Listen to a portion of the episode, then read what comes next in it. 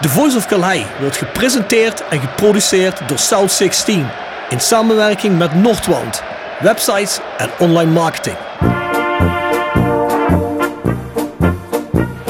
Heel mooi, heel goed individueel voetbal van René Hofman. Die kleine, handige rechtsbuiten van Rode JC. Hij ontwijkt een paar spelers. Hij ontwijkt ook Peter Boeven. Zit een duidelijk gat in die muur. Daar gaat Boerenbach doorheen. En hij scoort op schitterende wijze. 2-1 met een man minder.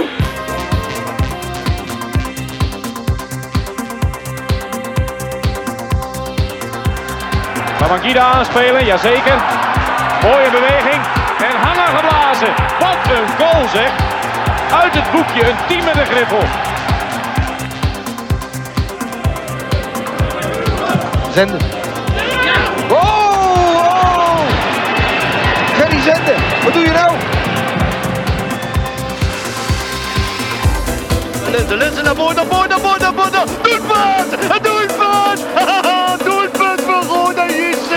Roda mensen naar rechts. Hier is Paulussen, hier is Paulussen. En daar is de goal voor Roda JC. Bladeren schaart en Malky schiet. Zo!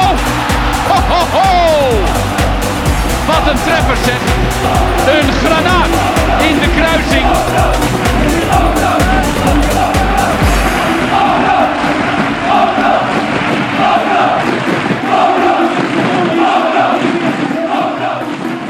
Dit is Fatih Sonkaya. Je luistert naar Voice of Calais.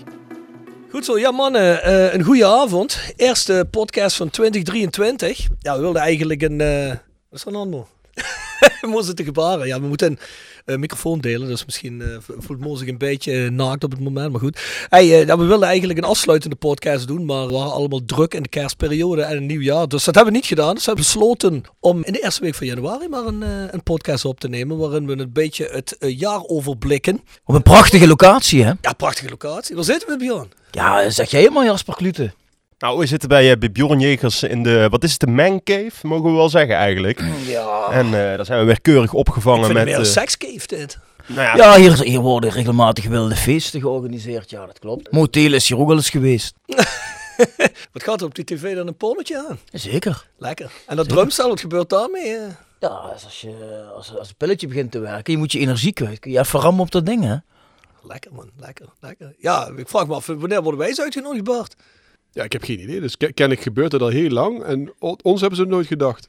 Ja, Beetje teleurstellend eigenlijk. ja. Ja, Misschien- Bart, Bart zegt net, hij snuift niet. Dus ja. Wat moet je dan hier? Dus dan heeft het geen zin. Voor we gaan beginnen, mannen. eh stream en luister ons op Spotify, iTunes, Soundcloud, overal waar er podcasts te streamen zijn. Daar kun je ook de Voice of Calais vinden. En als niet zo is, laat ons weten. Dan zorgen we dat die daar terecht komt. Maar je zou ons normaal overal moeten vinden. Laat ook altijd even een rating achter. Hè. Vijf sterretjes vinden we mooi. Dan eh, schuiven we naar voren in alle algoritmes. En dan is het wellicht zo dat rode-minded mensen die ons nog niet kennen, ons via al die platformen gemakkelijker kunnen vinden. Voor de rest hebben we de Voice Match Day. Die kun je vinden op petjeaf.com schuine streep de Voice of Calais. Daar zitten we wekelijks met voor- en nabesprekingen van rode wedstrijden. Met Jasper Klute, Bart Eurlings, mijzelf en zo nu en dan met Maan Gerards. We zijn vorige week, als je dit hoort, hè, met een aflevering met voorbeschouwing op Willem II Rode JC. Dus ik zou zeggen, ga je abonneren. En met een seizoenskaart heb je toegang tot allerlei extra's. Dus ga daarheen. Voor de rest hebben we nog een aantal huishoudelijke mededelingen. South16.com is de website. Misschien heb je voor de kerst gezien dat er een hele nieuwe collectie is. Ga daar eens kijken. We hebben natuurlijk een fantastisch De Fox design. Hè. Dat hebben we net ook uitgedeeld hier. Als kerstcadeautje nog. Hè. is een beetje laat. Bjorn Jegers had hem al besteld. Die kreeg daarvoor een uh, paar grammetjes kook als kerstcadeau. Hè, Bjorn? Onder andere. Onder andere, ja. Prachtige, prachtige Nick Vossenbelt eh, merchandise. Ik ben er blij mee. Mooi t-shirtje. eh mok om uit te drinken. Koffietje uit te drinken. Heerlijk. Ga je meenemen op kantoor of niet? Ah, zeker. Ook bij Abbott op kantoor, of niet? Ja, zeker op. Even vergeten, damn. Ja, Mo moest ik eventjes, eh, ik kreeg bij een kopstoot zo hard moest hij leunen, maar eh, het komt goed. Ja, voor de rest, wij zijn rodec.nl. hè. Ga daarheen, grote website in het Rodec gebeuren met het prikbord. En je kunt ook via daar onze podcast streamen mocht je willen. Pizzarette blaast hier bijna op, geloof ik. Maar eh, en voor de rest hebben we nog het Rode Museum in de Orlando Passage. Is niet altijd open, moet je altijd even van tevoren melden. Die mannen die hebben natuurlijk ook niet altijd de tijd, maar in de weekenden kun je daar vaak terecht. Ultras Kerkhouse is ook volgens mij nog altijd nog een klusplek. Dus eh, neem contact op met Sean Krings als je zijn contact hebt. Of mail even met ons, dan bezorgen we zijn contact. En dan kunnen jullie vast en zeker tot een compromis hoe en wat als je een ruimte hebt. En voor de rest wil ik nog heel even de Lahey bier noemen. Hè. Die hebben ons gesponsord in ons live event. Dat was een lekker biertje. absoluut goed biertje. Ja, ik heb één rum infused van jou overgelaten, Bart. Want jij wilde die per se proeven. Ja, ja, ik ben nog in afwachting daarvan. Nou, ja, die komt ook kant uit. en in Kerkrade kun je die krijgen in de Sibelius Passage 7 en in Studio Dip. Dat is op de Hellersteenweg 119, niet al te ver weg van waar we nu zitten. En voor de rest, ja, halve seizoenskaart voor Rode op ticketshop.rodejckerkrade.nl is een optie. Jasper Klute, eh, wat ben je doen? Is zijn neus snuiten. Ja, sorry man. Heeft hij ook, heeft hij ook kerstcadeautje te pakken gekregen? Ik weet het niet. eh, ik weet niet. eh. Er zit, er zit nog wat. eerst komt hij al een kwartier te laat. En dan eh, gaat hij wat de neus snuiten onder de uitzending. Ja, ik Jasper, vind dat zeer van onprofessioneel. Bjorn Jegers, die is eh, van de correcte tijden. Dus En zo iemand werkt bij ESPN. Nog wel. niet meer lang, toch? Nog eh, tot 31 januari. En dan is mijn stage zit erop en dan ga ik afstuderen. En ja, dan gaan we kijken wat, eh, wat er in de toekomst eh, op mijn pad komt. Nou, Jelle Kleine, ik zou zeggen, bel Jasper op. Die wil vast bij alleen komen werken.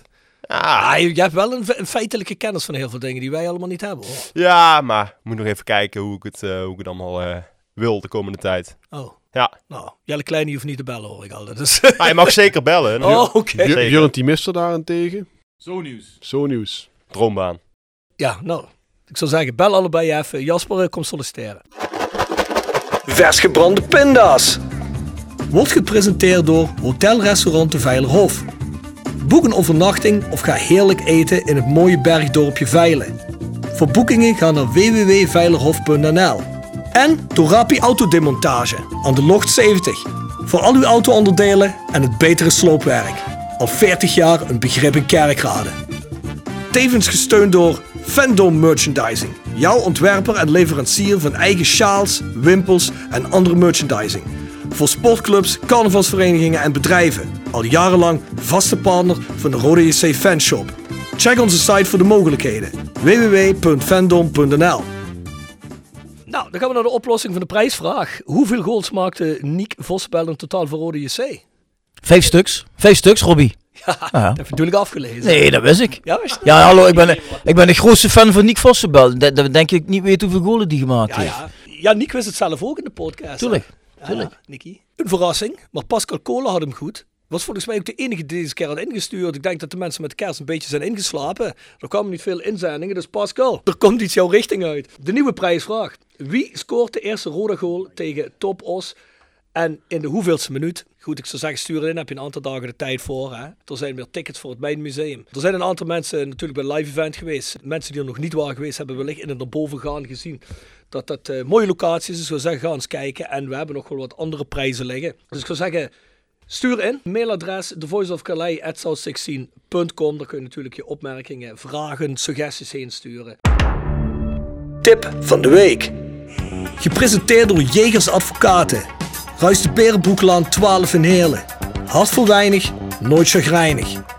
www.jegersadvocaten.nl En Nextdoor Kapsalon, Nagel en Beauty Salon op de locht 44A8 te Kerkrade. En Roda Support, supporter van werk. De uitzendorganisatie rondom Roda JC waarbij de koempelmentaliteit centraal staat. Roda Support brengt werkgevers en werknemers met een hart voor Roda samen. Ben je op zoek naar talent of leuk werk in de regio? Kijk dan snel op www.rodasupport.nl of kom langs op onze vestiging in het Parkstad Limburgstadion voor een kop koffie en een gesprek met Boris, Peter, Frank of Ben. Dan gaan we even snel een ronde doen. Mo, tip van de week? Ja, ik noemde het net in ons eh, eh, samen eten hier. Bernie Madoff, The Monster of Wall Street. Op, eh, op Netflix te zien. Zeker iets wat ik denk wat insp- inspirerend zou zijn voor Roger Houdinius met zijn flow traders.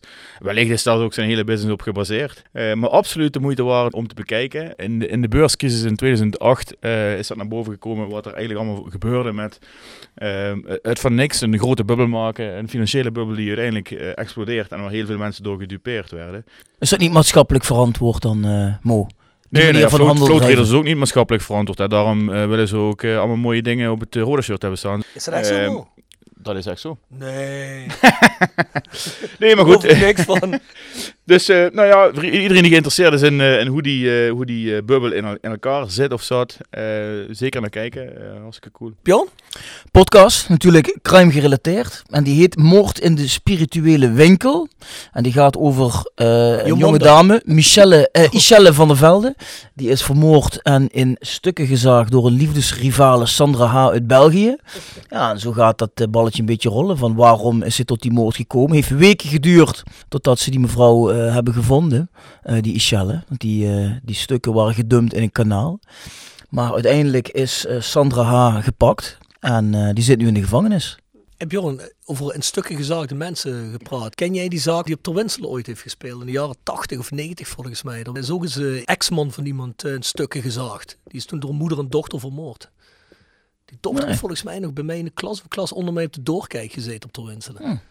Was ook een zaakje. Ja? Ja, ja, was volgens mij gewoon op de Schaarsbergerstraat. daar. Nou, misschien kunnen wij de- ons daarin verdiepen en daar een podcast over maken dan. Een Netflix-serietje. Of een Netflix-serie. Cold case. Met, eh, Ah, die zijn wel veroordeeld geweest. hè? Ja, ja, dat is het geen cold case meer natuurlijk. Hè. Klopt, klopt. Dan speel jij die door elkaar gezaagde. Ehm, en eh, heb je ook een advocaat. ja, is goed. ja, ik wil best wel door elkaar gezaagd worden. Oké, oké. Nou, ik heb nog een keer een, eh, eenzelfde tip als ik die eh, een aantal weken geleden had, of een aantal maanden geleden. Dat is namelijk Studio Socrates, de podcast. Ik weet niet of iemand van jullie hem ondertussen al een keer geluisterd heeft. Alles ja, wat voetbal mooi maakt, bespreken ze. Ik moet eigenlijk zeggen, ik ben heel erg geïnspireerd geraakt door een van de thema's die ze bespreken. Ze hebben soms een wedstrijd erbij, die gaan ze dan helemaal terugkijken. Een legendarische wedstrijd. Bijvoorbeeld een Europa Cup finale of een wedstrijd van het Nederlands elftal. Of bijvoorbeeld een heel legendarische Real Madrid, Barcelona, et cetera.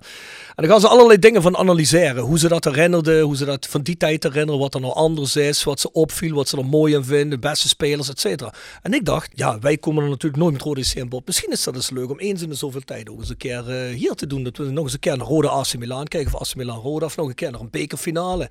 En dan kijken, ja, hoe hebben wij dat in herinnering? Wellicht dat we er misschien een speler van toen bij kunnen betrekken. Lijkt jullie dat een leuk idee? Ik denk dat jij daar uren over kunt uitweiden. ik denk dat daar meerdere series eh, kan worden Ik opgenoemd. denk dat Bjorn zich daar op zich weinig van kan Maar, herinneren. ja, Eh, maar eh, andere, die- andere ziet- mensen hebben daar best... Ja, eh, maar dat, dat, ziet- dat ziet hij zo ook nog een keer. ja, precies. Dan kunnen wij hem helpen om die herinnering boven te brengen. Mijn vroegste herinnering is dat eh, die terugspeelbal van Michel Boerenbach. Dat ik toen stond te huilen op de tribune.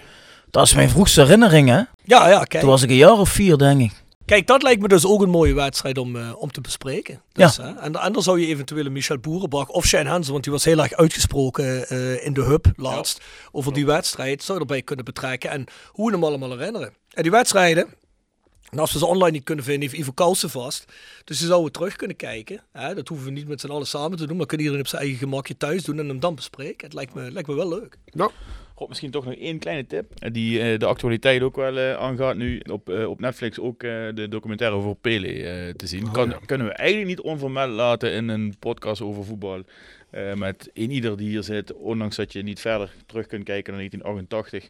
ehm, over eh, een van de, de grootste voetballers aller tijden. Ik heb een paar jaar geleden de eer mogen hebben om met, met Ingo in Santos te, te, te zijn. En daar zag je eigenlijk aan heel Brazilië zie je continu hoe groot dat Pele is. Ehm, en dat, dat, dat blijkt nu ook wel in de hele wereld als je de reacties eh, ziet. Zelfs een of andere idioot die denkt dat we in elk land een stadion moeten vernoemen naar. Dat gaat me dan wel iets te ver. Maar, mooie eh, selfie best Nou ja, oh, en wat selfies bij het. Maar uiteindelijk natuurlijk toch ehm, ja, een van de grootste voetballers eh, die, er, die er geweest zijn. ja, aangezien Rode er niet in slaagt om de stadionnaam aan een partij te verkopen, zou dat misschien helemaal niet zo'n slecht idee zijn. Gaat Gianni Infantino dan een paar miljoen aan sponsoring? Ik denk als Gianni Infantino zegt ik bied 10.000 euro, dan is eh zeg Maurice Kleuters, je bent de man. Ja, je hebt een mooie deal gemaakt. En het is maatschappelijk verantwoord. Let wel. Wow, ik heb Pas gehoord op, dat Pelé dat- allerlei als- eh, buitenechtelijke kinderen heeft. Hoor. Dat mag dat ook niet. Als dat al niet mag. hè. En natuurlijk niet zo controvers als Maradona. Hè, dat was echt een jongen van de straat. Maar eh ja, Pelé toch ook wel een beetje de iets nettere versie. Maar die, die komt eigenlijk ook in een armere omstandigheden. Hè. Dus eh, ja, ik weet niet hoe het met jullie zat. Maar met Messi kan ik dus nooit zo warm worden als Maradona. Ik vind dat straatschoffie spreekt mij dus honderd keer meer aan als zo'n gladgestreken Messi. Hè. Ja, en ik moet eerlijk zeggen, ik had niet in de gaten dat hij zo irritant was eh, tot, eh, tot uit de laatste WK eh, van Corbijn mocht meemaken. Tenminste, wij als Nederlanders dan. Eh, dat, dat, dat, dat wist ik niet van Messi, maar dat doet hem geen goed. En dan, eh, inderdaad, ik sta achter Maradona wat dat betreft. Die Maradona hier bij Voice of of niet mannen? Wat zeg je? Die was niet eens luisteren. Ja, maar ik dacht, dat, Maradona hier bij ik dacht dat dit een Roda podcast was. niet Maradona en Pelé. Ja, we hebben, we hebben toch Maradona's en Pelés rondlopen bij ons, of niet? Bij Roda. Ja. Ja, noem jij ze maar dan. Komen we dadelijk op. Komen we Kom, dadelijk kom zo op. Ja. ja, dat klopt. Even mogen lijken. Hey, maar dan hebben we al meteen het bruggetje naar nu. Zullen we eens eh, gaan praten over eh, het afgelopen half jaar in ieder geval. Het mag ook best iets verder terug zijn, maar in ieder geval met eh, nadruk op het laatste half jaar. Ja, we zitten hier vanavond, hebben het natuurlijk allemaal gehoord. hè. Jasper Klute, Bjorn Jegers, Bart Eurlings, Motelen en eh ikzelf Rob Fransen. Zoals we dat altijd doen, hè, op het begin van een competitie of het einde van een jaar of een competitie, altijd he- heel eventjes conclusies trekken. Zo ook vandaag blikken we terug op het in ieder geval afgelopen half jaar vooral. Hè. Nou ja, goed. Ik heb hier staan samenvatting van de podcast 2022. Dat hebben we eigenlijk al een tijdje terug gedaan. We zeggen, de podcast is nog altijd aan het groeien. Hè. We kunnen hier wel met getallen gaan gooien. We hebben ook wat dingen op Instagram gepost. Dus eh, ga daar maar kijken. In ieder geval is de podcast goed onderweg. En we zijn er heel tevreden over. Want we stoppen er allemaal wel wat tijd in. Voor de rest, over komende plannen voor de podcast kan ik alleen zeggen, we zijn bezig met een YouTube kanaal en eh, zijn onderzoeken naar wat mogelijkheden om het ook videotechnisch te gaan doen. En misschien niet elke podcast, maar wel steeds meer. En dat betekent ook dat we misschien vaker op een vaste plek komen te zitten. Maar dan moeten we eens heel even kijken hoe we dat gaan doen. Dat is in onderzoek nu, maar het lijkt me wel leuk om te doen. Alhoewel er een aantal van ons meer een radiohoofd hebben. We kunnen niet allemaal uitzien zoals Jasper Klute natuurlijk. Hè? Jong en... eh, Jong Nee, volgende onderwerp, eh, mannen. Vijf jaar geleden zat ik met Mo in de Bernardeshoeve. Toen had hij nog het voornemen om eh, met Ingo marathons te gaan rennen. Toen is hij één keer boven van de Bernardeshoeve de straat naar beneden gerend. en dat was het. Nou ja, dat voor- naar beneden. Was het Niet meer? naar beneden, ja. Toen we beneden waren en ik keek naar boven, dacht ik van, dat gaat hem niet worden. Het was 300, 400 meter. En dat was het. Was nooit mijn ambitie, maar... We willen alleen de marathon voor Rotterdam lopen, waar alles vlak was. En dat ging niet. maar goed, jongens.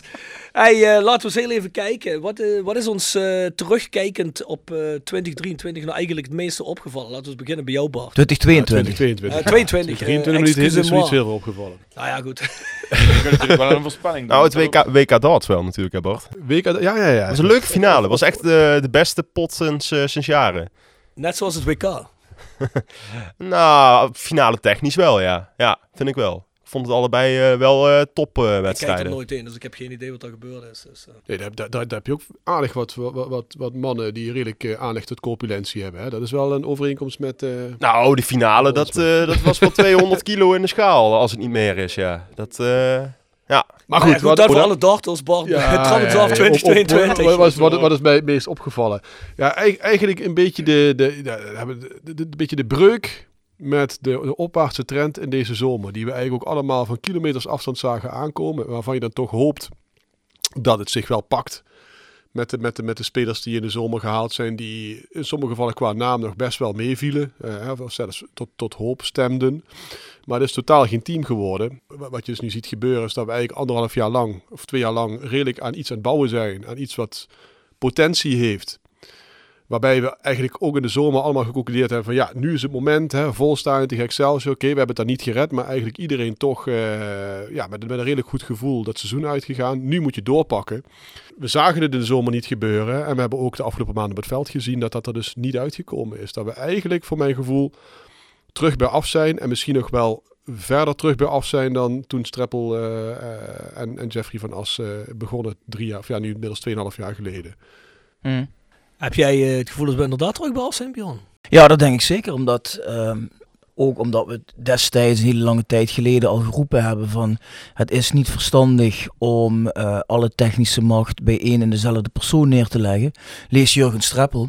En je ziet nu recent dat Helmond Sport komt, die doen hem een aanbieding en Jurgen is eh, vertrokken. En dan word je als club eigenlijk helemaal teruggeworpen, want je hebt geen TD meer die de lange termijn bewaakt. We hebben nu nog steeds niemand eh, aangesteld als vervanging van eh, Jurgen Streppel. Of het nou een technische manager is of een trainer. Dus eh, wat dat betreft denk ik dat je inderdaad helemaal weer opnieuw begint. En waarschijnlijk nog iets verder dan nul. Omdat ik altijd van mening ben geweest dat we met een Fluke, Bouchouari en Vente... was eigenlijk wel drie spelers waarvan ik vind dat je omheen moeten bouwen. Met die jongens had je naar de Eredivisie kunnen gaan. Nou, er zijn er al twee van weg.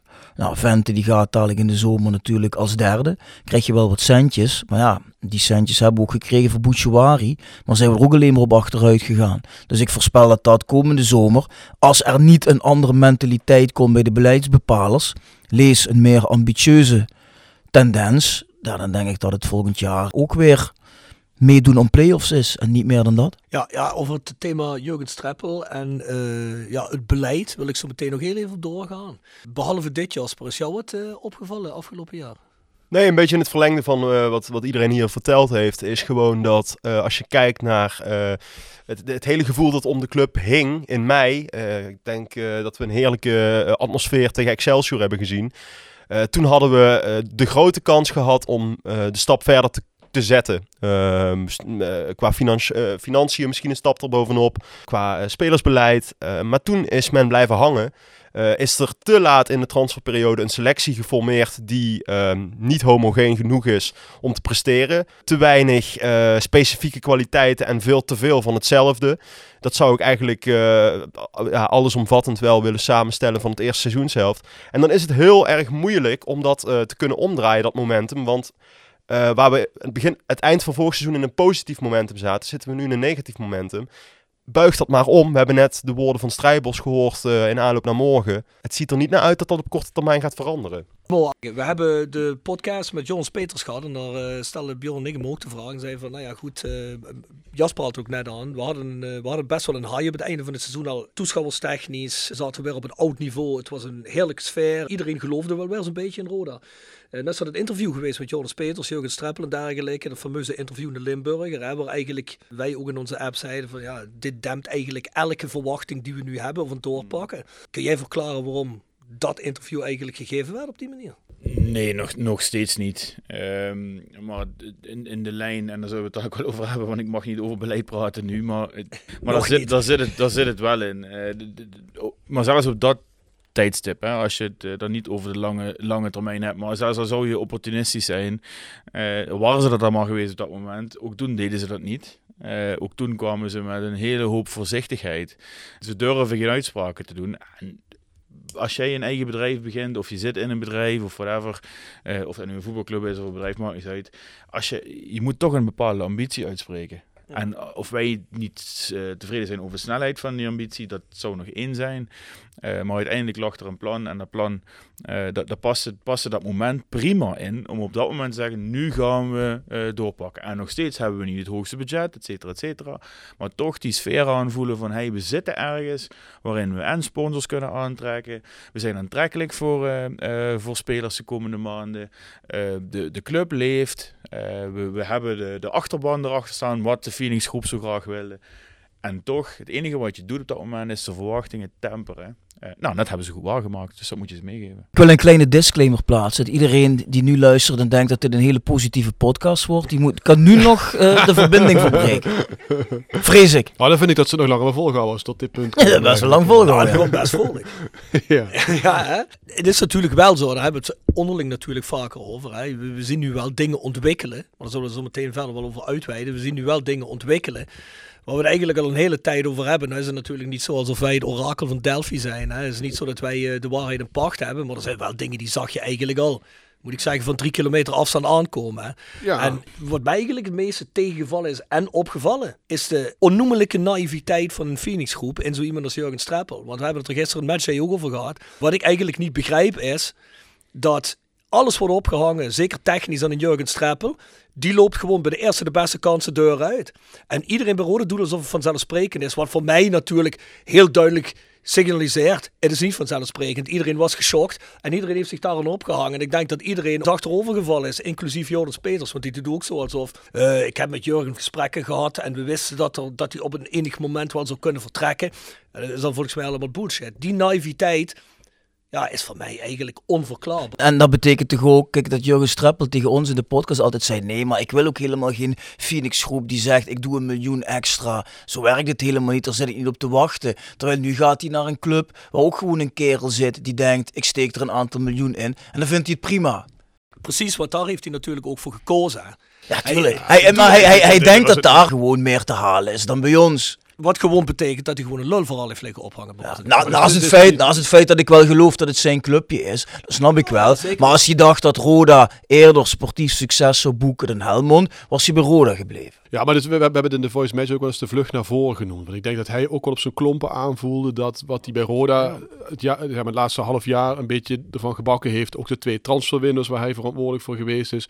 Hij kan zich iemand nog een speler uit de winterstop van vorig seizoen herinneren. Volgens mij echt helemaal niemand meer.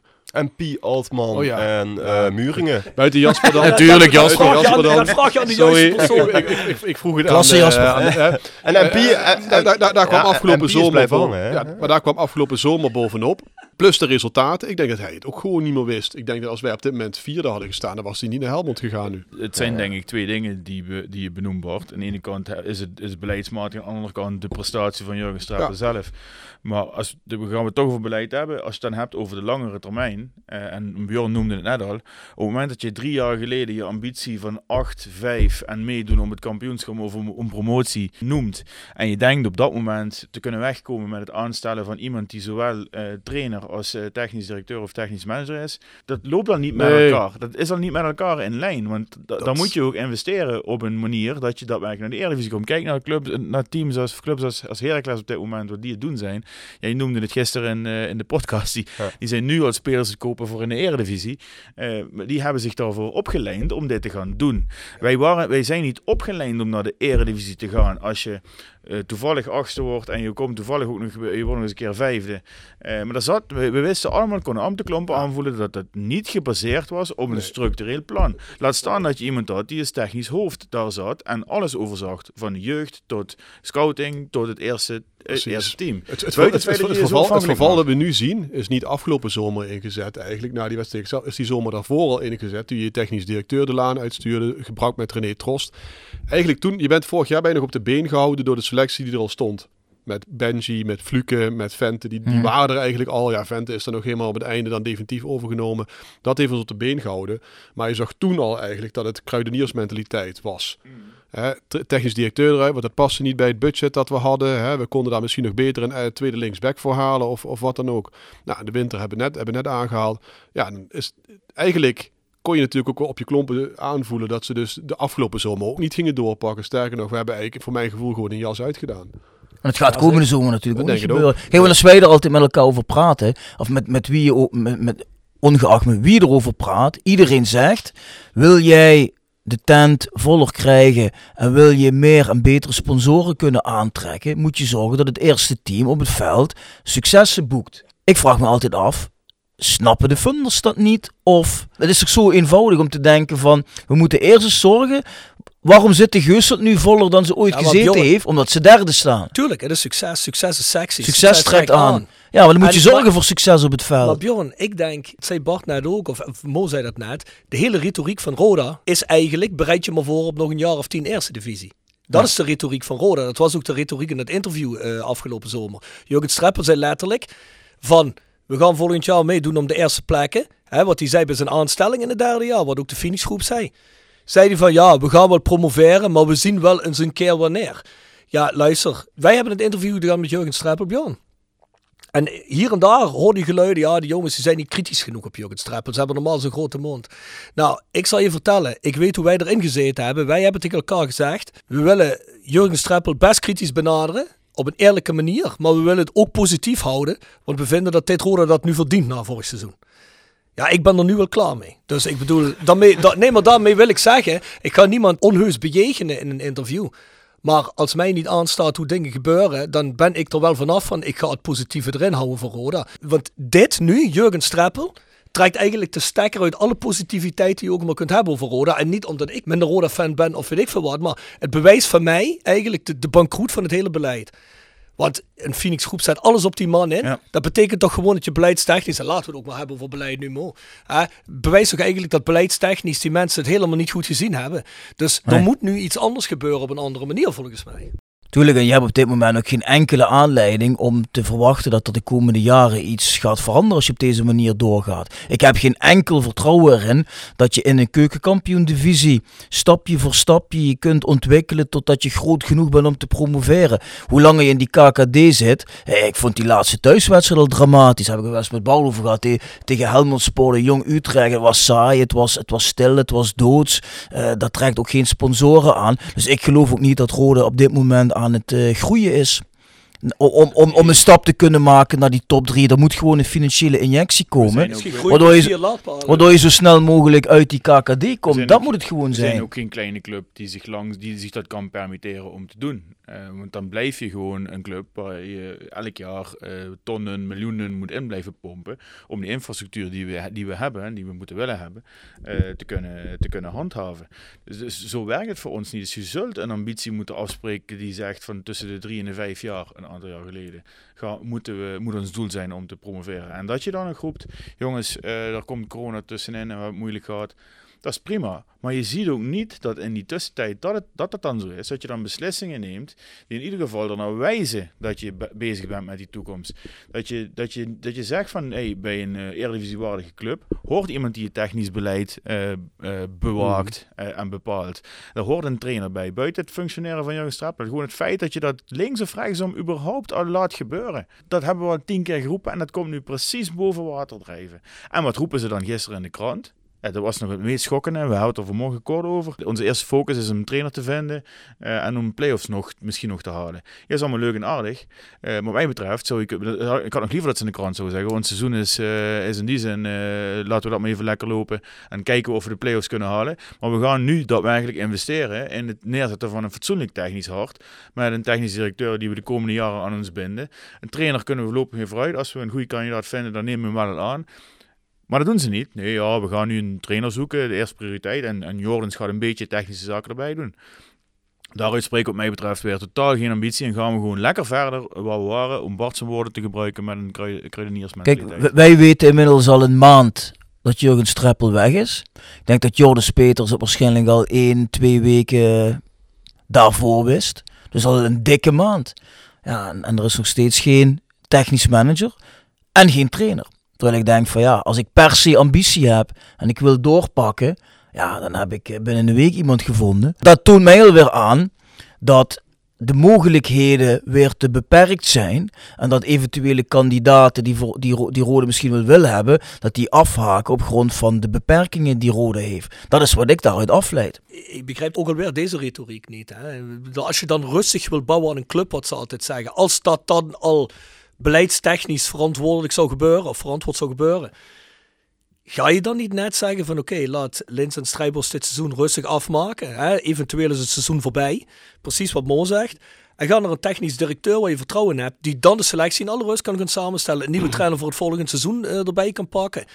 En want ik geloof niet dat onder die volgens Marco van Hoogdalem, en die zit natuurlijk uh, tot aan zijn, uh, zijn lippen in de club, hè, omdat hij onder, onder 21 doet. Die overigens ook heel erg moest lachen om het feit dat Helmond Sport zegt, uh, Jurgen Streppel gaat hier de jeugdopleiding neerzetten. Die zegt, we hebben die gast drie keer gezien in drie jaar. Dus dat vond hij ook ironisch.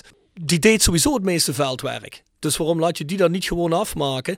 Um, mij maakt het persoonlijk, dat zal misschien heel veel rode fans niet hebben, misschien hier aan de tafel ook mensen niet, maar mij maakt geen reden uit of we dit seizoen nog promoveren of niet. Ik heb veel liever dat ze nu een technisch hart, zoals Mo zegt, fatsoenlijk samenstellen. Waar we mee dan volgend seizoen in ieder geval wel constructief iets kunnen gaan doen. Want, dit, ja, dit, want we, hebben het, we hebben het heel erg nodig. Want Bjorn zegt het, hè. Dylan Ventendal, ik, ik hoorde laatst van een jongen, Kaiserslautern interesse in Limbombe. Die hebben ook centen. Er zullen wel meer teams zijn die interesse ja. hebben. Die jongens zijn weg, dus dan moet je iemand hebben die dat goed gaat opzetten. Ja, maar ik mag dan wel even advocaat van de duivel spelen in, in, in die zin, ik hoor je al een paar keer zeggen van dit seizoen is voorbij. We staan op dit moment, en dat zegt een hele hoop natuurlijk over de rest van de competitie, maar we staan op dit moment virtueel op een play-off plek. We hebben dit jaar meegemaakt dat je uit de Eredivisie drie clubs ziet degraderen, waarvan je al eigenlijk op voorhand denkt van oh fuck, als die erbij komen dan wordt het voor ons moeilijk. Zelfs met twee rechtstreeks promotieplaatsen.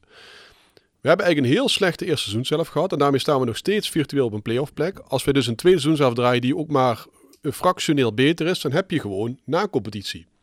En het is maar zeer de vraag of als je zegt van nou, ik ga dat eens een keer rustig voor volgend jaar plannen, dan ga ik dan kijken, een technisch manager met Kun je dat niet met. Lens en Strijbos dan? Ja, nee, maar dat, dat, dat, kan een argument zijn. Maar ik bedoel dus ook erbij te zeggen van het feit dat je zegt van nou, we, we, we hebben een trainer op het oog bijvoorbeeld eh, waar, waar we echt vertrouwen in hebben. En we weet ik veel wat, we gaan nog een nummer 6 ook nog eens een keer toevoegen aan de selectie. Ja, wie, wie weet. Uh, kijk, wat ik met name bedoel te zeggen is, je kunt promotie in deze competitie niet plannen. Ja, dat klopt. Uh, je, kunt, je kunt wel zeggen, volgend jaar zijn waarschijnlijk komen beter beslagen ten ijs. En dan moet je ook nog maar afwachten als Vente en Limbombe weggaan of dat echt zo is, of je daar goede vervangers voor vindt. En we gaan dan verder kijken. Ja, uh, waarschijnlijk dan uh, degradeert, weet ik veel, degradeert Vitesse en Groningen. Noem maar wat. En Emmen, die gaat weer flink gaan investeren. Ja, dan zitten we weer met de gebakken ja, dat, dat klopt helemaal, Bart. Ik, en, en, ik zeg ook niet dat je het seizoen in die zin moet laten lopen. Ik denk nog steeds dat je met deze, deze groep play-offs moet kunnen halen. Alleen Zeker. het idee wat mij betreft voor dit seizoen was, ondanks, en misschien zou, zou er nu anders naar kijken als je kijkt naar de samenstelling van de selectie, maar zelfs er, er, zijn toch wel wat mogelijkheden geweest dit seizoen. Als we kijken wat ze gehaald hebben, hoeveel dat ze daar ja. ingedoet hebben. De balans, kun je, de ik, balans kunnen we Ik denk dat deze selectie maar, duurder maar, is dan vorig jaar. Ja, dat denk ik ook.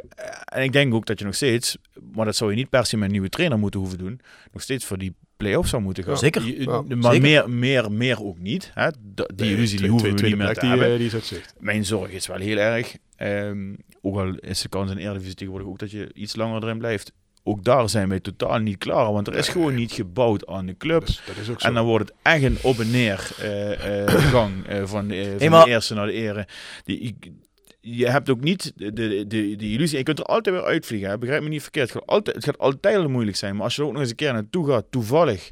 Uh, en je blijft er nog eens een keer toevallig een jaar in. Ik heb niet het idee dat er nu een beleid gevoerd wordt. Nee. wat er structureel op gebaseerd is. om in die Eredivisie nee, er naartoe te gaan en er te blijven. Dat, dat, dat ben ik met je eens, Mo. En toch weet je wat Excelsior bijvoorbeeld ook nu zegt. Hè, die zijn dan gepromoveerd ook eigenlijk bij toeval.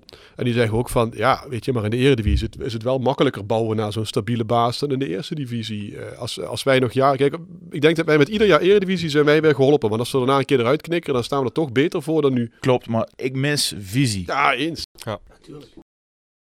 Nee, maar je kunt nu wel een nieuwe technisch manager gaan aanstellen en, of een nieuwe trainer. Maar als die mensen ook geconfronteerd worden met, zoals jullie het dan ook noemen, zo denk ik er ook over, die kruideniersmentaliteit. Uh, op, op grond waarvan moeten die mensen dan in staat zijn om die club structureel naar de eredivisie te brengen? Ik denk dat het gewoon helemaal begint in de top van de club, waar heel veel aandacht is voor maatschappelijk verantwoord ondernemen. Vind ik ook allemaal prima. Maar zolang daar niet een knop omgaat met het idee van, hey, in die KKD valt voor ons geen eer te behalen. Wij moeten snel naar die eredivisie en daar moet het gaan gebeuren. Dan blijft het gerommel in de marge. Dan kun je wel eens een trainer hebben die wat meer eruit haalt of wat minder. Maar dan zie ik niet structureel daar veel verandering in gaan komen. Want iedereen loopt tegen diezelfde grenzen aan. Ja, dat is zo. En we hadden het er laatst met Seth Vergolsen over in de podcast. Hè. Die komt ook nog online binnenkort, dit tweede deel. Toen Bjorn en ik aan hem vroegen, kan dat niet parallel aan elkaar? Kun je niet gewoon investeren en op die manier bezig zijn? Die zeggen ook, ja, ik zie ook niet waarom dat niet kan. En ik vraag me eigenlijk af wat dat, wat, dat is. En het, het, het laat mij toch steeds meer in mijn geloof komen. Hè. Dat hadden we in het begin al, maar uh, Mo maakte er net wel uh, een semi-grap over hè, toen het ging over zijn tip van de week. Maar ik heb wel echt het geloof dat, dat, dat de mensen die deze club financieren, dus de, de, de funders, dat die dit meer zien als een soort marketing iets, van vooral flitstrading. Hè? Uh, om, dat, om dat goed, goed neer te kunnen zetten met allerlei dingen. Ja, we zijn geen... je weet het zeggen, sportswashing uh, vereniging, weet je wel. Uh. Wie van jullie heeft Roger Houdini eens alles in het Parkstad Limburg stadion gezien bij een wedstrijd? Ja, ik, ik, ik, sta er veel te ver vandaan. Kijk, jullie begeven je natuurlijk op van die dure tribunes en zo. Ik sta gewoon tussen het gepeupel, dus daar, dat komt, hij zeker, daar komt hij zeker Dat is niet. waar. Ja, maar moet ik misschien niet naar jou vragen. Maar, nee, maar, nee, maar ik bedoel maar... Ben, ben, ik denk, ben, ik denk, de mannen van de laadpalen. Ik denk dat hij er nooit is. Maar als jij die club in handen hebt, want hij is eigenlijk toch wel de machtigste man, omdat hij het meeste geld erin steekt. En je vindt dat echt super gaaf. En je hebt daar plannen mee en je wil met die club promoveren. Dan wil je, niet. Dan wil je, toch ook, dan wil je toch ook laten zien bij de mensen. En dan wil je daar toch ook over praten, communiceren en kijken. Het feit dat hij er niet is, betekent dus dat die ambitie zoals wij die graag willen zien, die zit daar niet. Nee, en het, het is er ook niet geweest. Hè. Kijk, hij zat met Petraatje in de klas en die hebben met elkaar gebeld. En kun je Roda een beetje helpen. En ondertussen weet ik ook dat jij wat uh, zaakjes tegen je bedrijfje hebt lopen. En dat kun je nog ja, een leuk uh, maatschappelijk verantwoord. Zijn Koster... Uh, dat vind ik heel cynisch. Ben ik het niet mee. Maar maar uit. Ondertussen, papa Koster zat ook netjes elke wedstrijd op de tribune. Hartstikke goede Roda-fan. Zoontje was uitgevlogen, gaf geen kloten erom. Die, die deed misschien voetbal. Het enige wat in de buurt kwam was FIFA spelen op een computer. En die zette wat servers neer. Heeft daar veel geld mee verdiend, heeft hij hartstikke goed gedaan. Eh, papa heeft bij hem gebeld of hij ook iets ging doen. Hij, kijkt op tegen Houdini en dat lekker vrouwtje van hem. En ondertussen was Bertje Peels, die heeft het allemaal een beetje bij elkaar gehouden. Bertje Peels loopt rond als de king, die doet er zelf eh, 15.000 euro per jaar in. Eh, hij is de grote man die daar rondloopt, heeft ondertussen ook geen kloten te, te vertellen. Jongens, er zit geen visie, er zit geen plan achter. En En voor de luisteraars, Mo heeft alleen maar cola gedronken, hè? Dat is wel bijzonder. Oh, er zat een hele fles IPA voor. Nee, maar, laat, maar laten we wel eerlijk zijn. Dan moet mij wel iemand de ware reden zeggen waarom die mensen er dan wel zitten. En wat dan de ware ambitie is, behalve te blijven kabbelen in de eerste divisie. Die zie ik namelijk ook niet. Ja, even serieus Vraag je de verkeerde. Geen idee, hè. zonder ouderheid. Uiteindelijk zitten ze er nog steeds en hebben ze ook een, een, een, een dingetje verlengd aan wat ze doen. Dat doet ze geen pijn. Eh zullen ze op een of andere manier iets aan voldoening uithalen. Maar het, wat wij dan horen van de mensen met wie we praten, eh, die bezig zijn met bijvoorbeeld investeerders of andere sponsoren, hebben we ook wel mee van gekregen. Ze staan er ook helemaal niet open voor om dan op een andere manier of met andere mensen die club te laten groeien. En daar baat misschien nog wel de meeste zorgen. Hè. Op de een of andere manier zien ze het dan toch als hun kindje of zo. Ik heb geen idee. Ja, dat, dat, dat is het hem inderdaad. Kijk, eh, als, eh, als de Phoenix groep zegt wij doen maar een miljoen en geen cent meer, oké prima, dan is dat zo. Maar als je weet dat dat miljoen te weinig is om op korte termijn naar de eredivisie te gaan, dan moet je op zoek gaan naar partijen die eh, bereid zijn ook een miljoen erin te steken, zodat je budget wel kan groeien. Maar dat willen ze nou net weer niet. Kijk, kijk het, het, het, het En dat snap ik niet. Het sentiment toen zij binnenkwamen was natuurlijk wel, hè, we hadden net Frits Schroef gehad, maar ook in al die jaren daarvoor was die club altijd verlieslatend geweest. En wat ze natuurlijk, hè, dat was ook, is ook altijd een beetje dat daagje wat ze hebben geroepen. Dat, dat is, dat, op zich, daar zijn ze nog wel transparant over geweest. Van deze club die moet op eigen benen blijven staan. En Mhm. wij, wij overbruggen eigenlijk die periode daar naartoe. En dat vind ik op zich prima, als, als dat je visie is.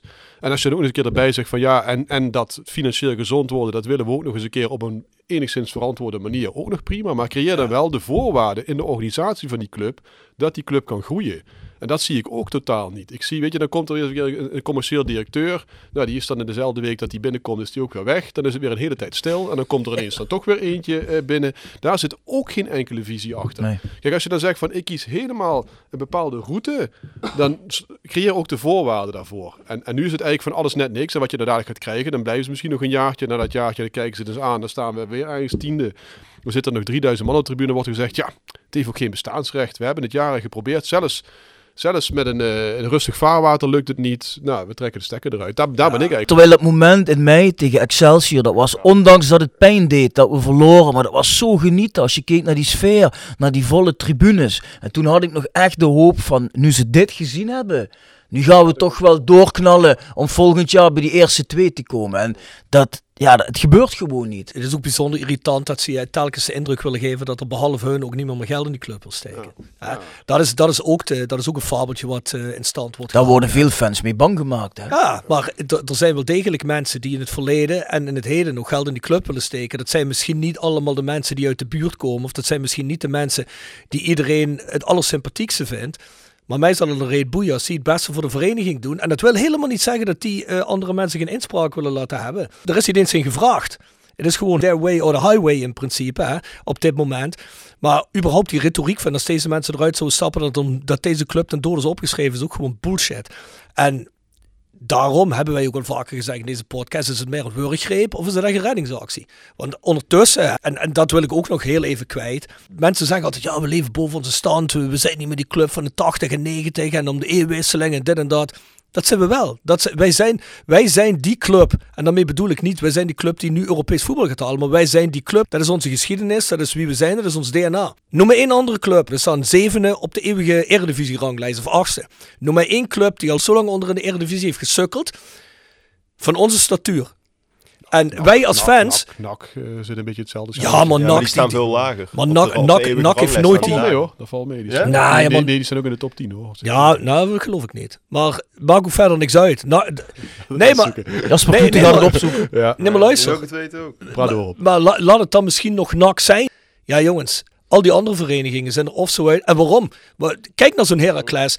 Die hebben... Voor de 9, NAC 10. Ja, kijk. Nou goed. Ik wist het. Oeps. Zijn, we, zijn wij zelfs iets gezegd? Goed, laat dat zo zijn. Maar waar het toch om gaat is zo'n Heracles. Wat, Mo, kijk eens waar Heracles staat. Hè, waar Heracles staat op zijn eeuwige ranglijst. Ja, kijk. Die pakken meteen door op zoiets. Ja, Emmen, dat is het Ja, zuiverste voorbeeld. dat is veel erger. Die staan Vor- vorig 38 seizoen. of zo. Ja, maar die hebben ook nu een budget in de Eredivisie waar je u tegen zegt, hè. Die kunnen, die kunnen spelers... eh, ik heb gehoord dat ze met Sergio Pat bezig zijn voor de keeperspositie. Ja, die gast die zit nu in Bulgarije, die verdient Ja, daar tonnen per jaar. Ja, maar, maar ook niet omdat FC Emmen zo ontzettend breed gedragen wordt in de regio. Omdat daar gewoon lui zitten die Ja. denken, hey, we willen eh, mooi in de Eredivisie spelen. Dat kost een paar centen. Ja, en als je dan die club in handen hebt, dan moet je die centen neerleggen. Kijk, kijk, kijk, kijk, kost gewoon geld. Kijk, Kijk, en Heracles had natuurlijk nog vet op de botten toen ze degradeerden. Die kunnen nu even, als die er binnen nu en drie jaar nog een keer uitgaan, dan wordt het dan moeilijker. Maar bij, kijk eens bij alle clubs die verder, Emmen, ook Fortuna bijvoorbeeld. Er zijn tegenwoordig toch wel een aantal clubs die hebben structureel een dusdanig budget door een investeerder of door externe partijen of wat dan ook. NEC geldt natuurlijk ook een beetje hetzelfde voor Utrecht. Da- daar kun je, kom je eigenlijk al niet aan op onze manier. Dus dan, dus dan kom je al een beetje in een groep clubs terecht, zeg maar, vanaf eh, ja, plek 15, 16 in de eredivisie. Ja, dat, daar, kun je niet structureel eh, op een goede manier mee overleven Het, als gro- Roda. het grootste euvel wat ik nu ook nog vind is, kijk even naar de recente geschiedenis. Na gisteren, eh, Joey Slegers kiest voor de nummer 17 van de KKD.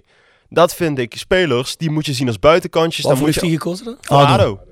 Joey Slegers gaat naar ADO. Nou ja. Ja, kijk, Het en, voordeel is wel dat je weet dat Dick er toch niks van bakt daar. Dus dat... nou, Ja, maar ja, dan heeft hij wel een contract kan, kan, daar. hem graag bij ons gaan. Nee, ja. Nee, maar waarom zit Roda weer niet bij zo'n jongen, zeg maar? Ja, Oké, we hebben wel genoeg hebben- spelers op de vleugels, maar uh, wetende dat de Limbombe toch gaat vertrekken, had je die jongen dat is, al, dat is al jaren aan de gang. Hè. Het eind van het seizoen komen er interessante spelers vrij. Ook voor het budget van Roda. Die zijn transfervrij. Daar moet je alleen maar eventjes eh, naartoe bellen. eh, een kop koffie mee drinken en zeggen: we hebben dit en dit. Maar het plan is er niet. Die jongens worden daar niet voor warm gemaakt. Nee, er wordt niet eens gepraat met die jongens. En dat vind ik, dat vind ik schrikbarend. Valentino Ja, Vermeulen. Of je ze niet krijgt is een tweede, maar je moet op zijn minst proberen Ja, ze te Nee, krijgen. precies. Valentino Vermeugen. Gratis tip voor de scouting. Rechtsback, FC Eindhoven vorig seizoen. Nu bij Dortmund, de tweede, is die weggestuurd. Nou, daar zou ik meteen mee gaan praten, want Boyd Rijt, die voldoet niet. Daar zijn we het over eens. Daar gaan we dadelijk ook waarschijnlijk over praten, over de, bij de grootste tegenvallers. Ga dan met zo'n jongen praten, überhaupt. Dat gebeurt gewoon niet, snap je? Ja. Ah, ben ik het met je in, maar ik zou Boyd Rijden absoluut nog niet afschrijven. Nee, die jongen, maar die jongen kan- heeft wel bij Helmond eh, voldoende laten zien dat ik denk van, die kan nog wel eh, zeker eh, wat, wat meer laten zien dan die gedaan heeft. Nee, daar ben ik het mee eens. Ja, het zit wel nog. Maar goed, daar hebben we het alweer over spelers. Ja, laten we dat Zijn al uit, zijn we al uit eh, gezeikt over Zijn beleid uitgezeikt. of... eh, Hey, jongens, doe eens even Sound of Calais. wat is dat? The Sound of Calais. Gepresenteerd door PC Data Logistics Automation. De partner voor leveren, installeren en onderhouden van geautomatiseerde ordeelverzamelsystemen. Zowel lokaal in kerkraden als globaal over heel de wereld. Zoek je een uitdagende job? Kijk dan naar onze vacatures op pcdata.nl. Ook worden we gesteund door Willeweber Keukens. Wil jij graag kwaliteitskeukendesign dat ook bij jouw beurs past? Ga dan naar Willeweber Keukens in de Boebegraaf 1 te Schinveld. Ja, Bart is de muziekman hè, Bart. Kom op Jaap. Eh, Eh dingen, hoe heet die? Ons moeder zei nog of zo? Moet ik Ja eigenlijk- Jaap, kom. Ja, jij bent Kom eens met een leuk liedje man. Ge- geef me heel eventjes te kijken. Even. Ja, mooi, heb Ga maar jij eens voor de volgende. Polo is geen muziek meer. Die heeft ook slechte zin op het moment, merk ik. Die heeft zichzelf is- rage gepraat. Jasper, jij?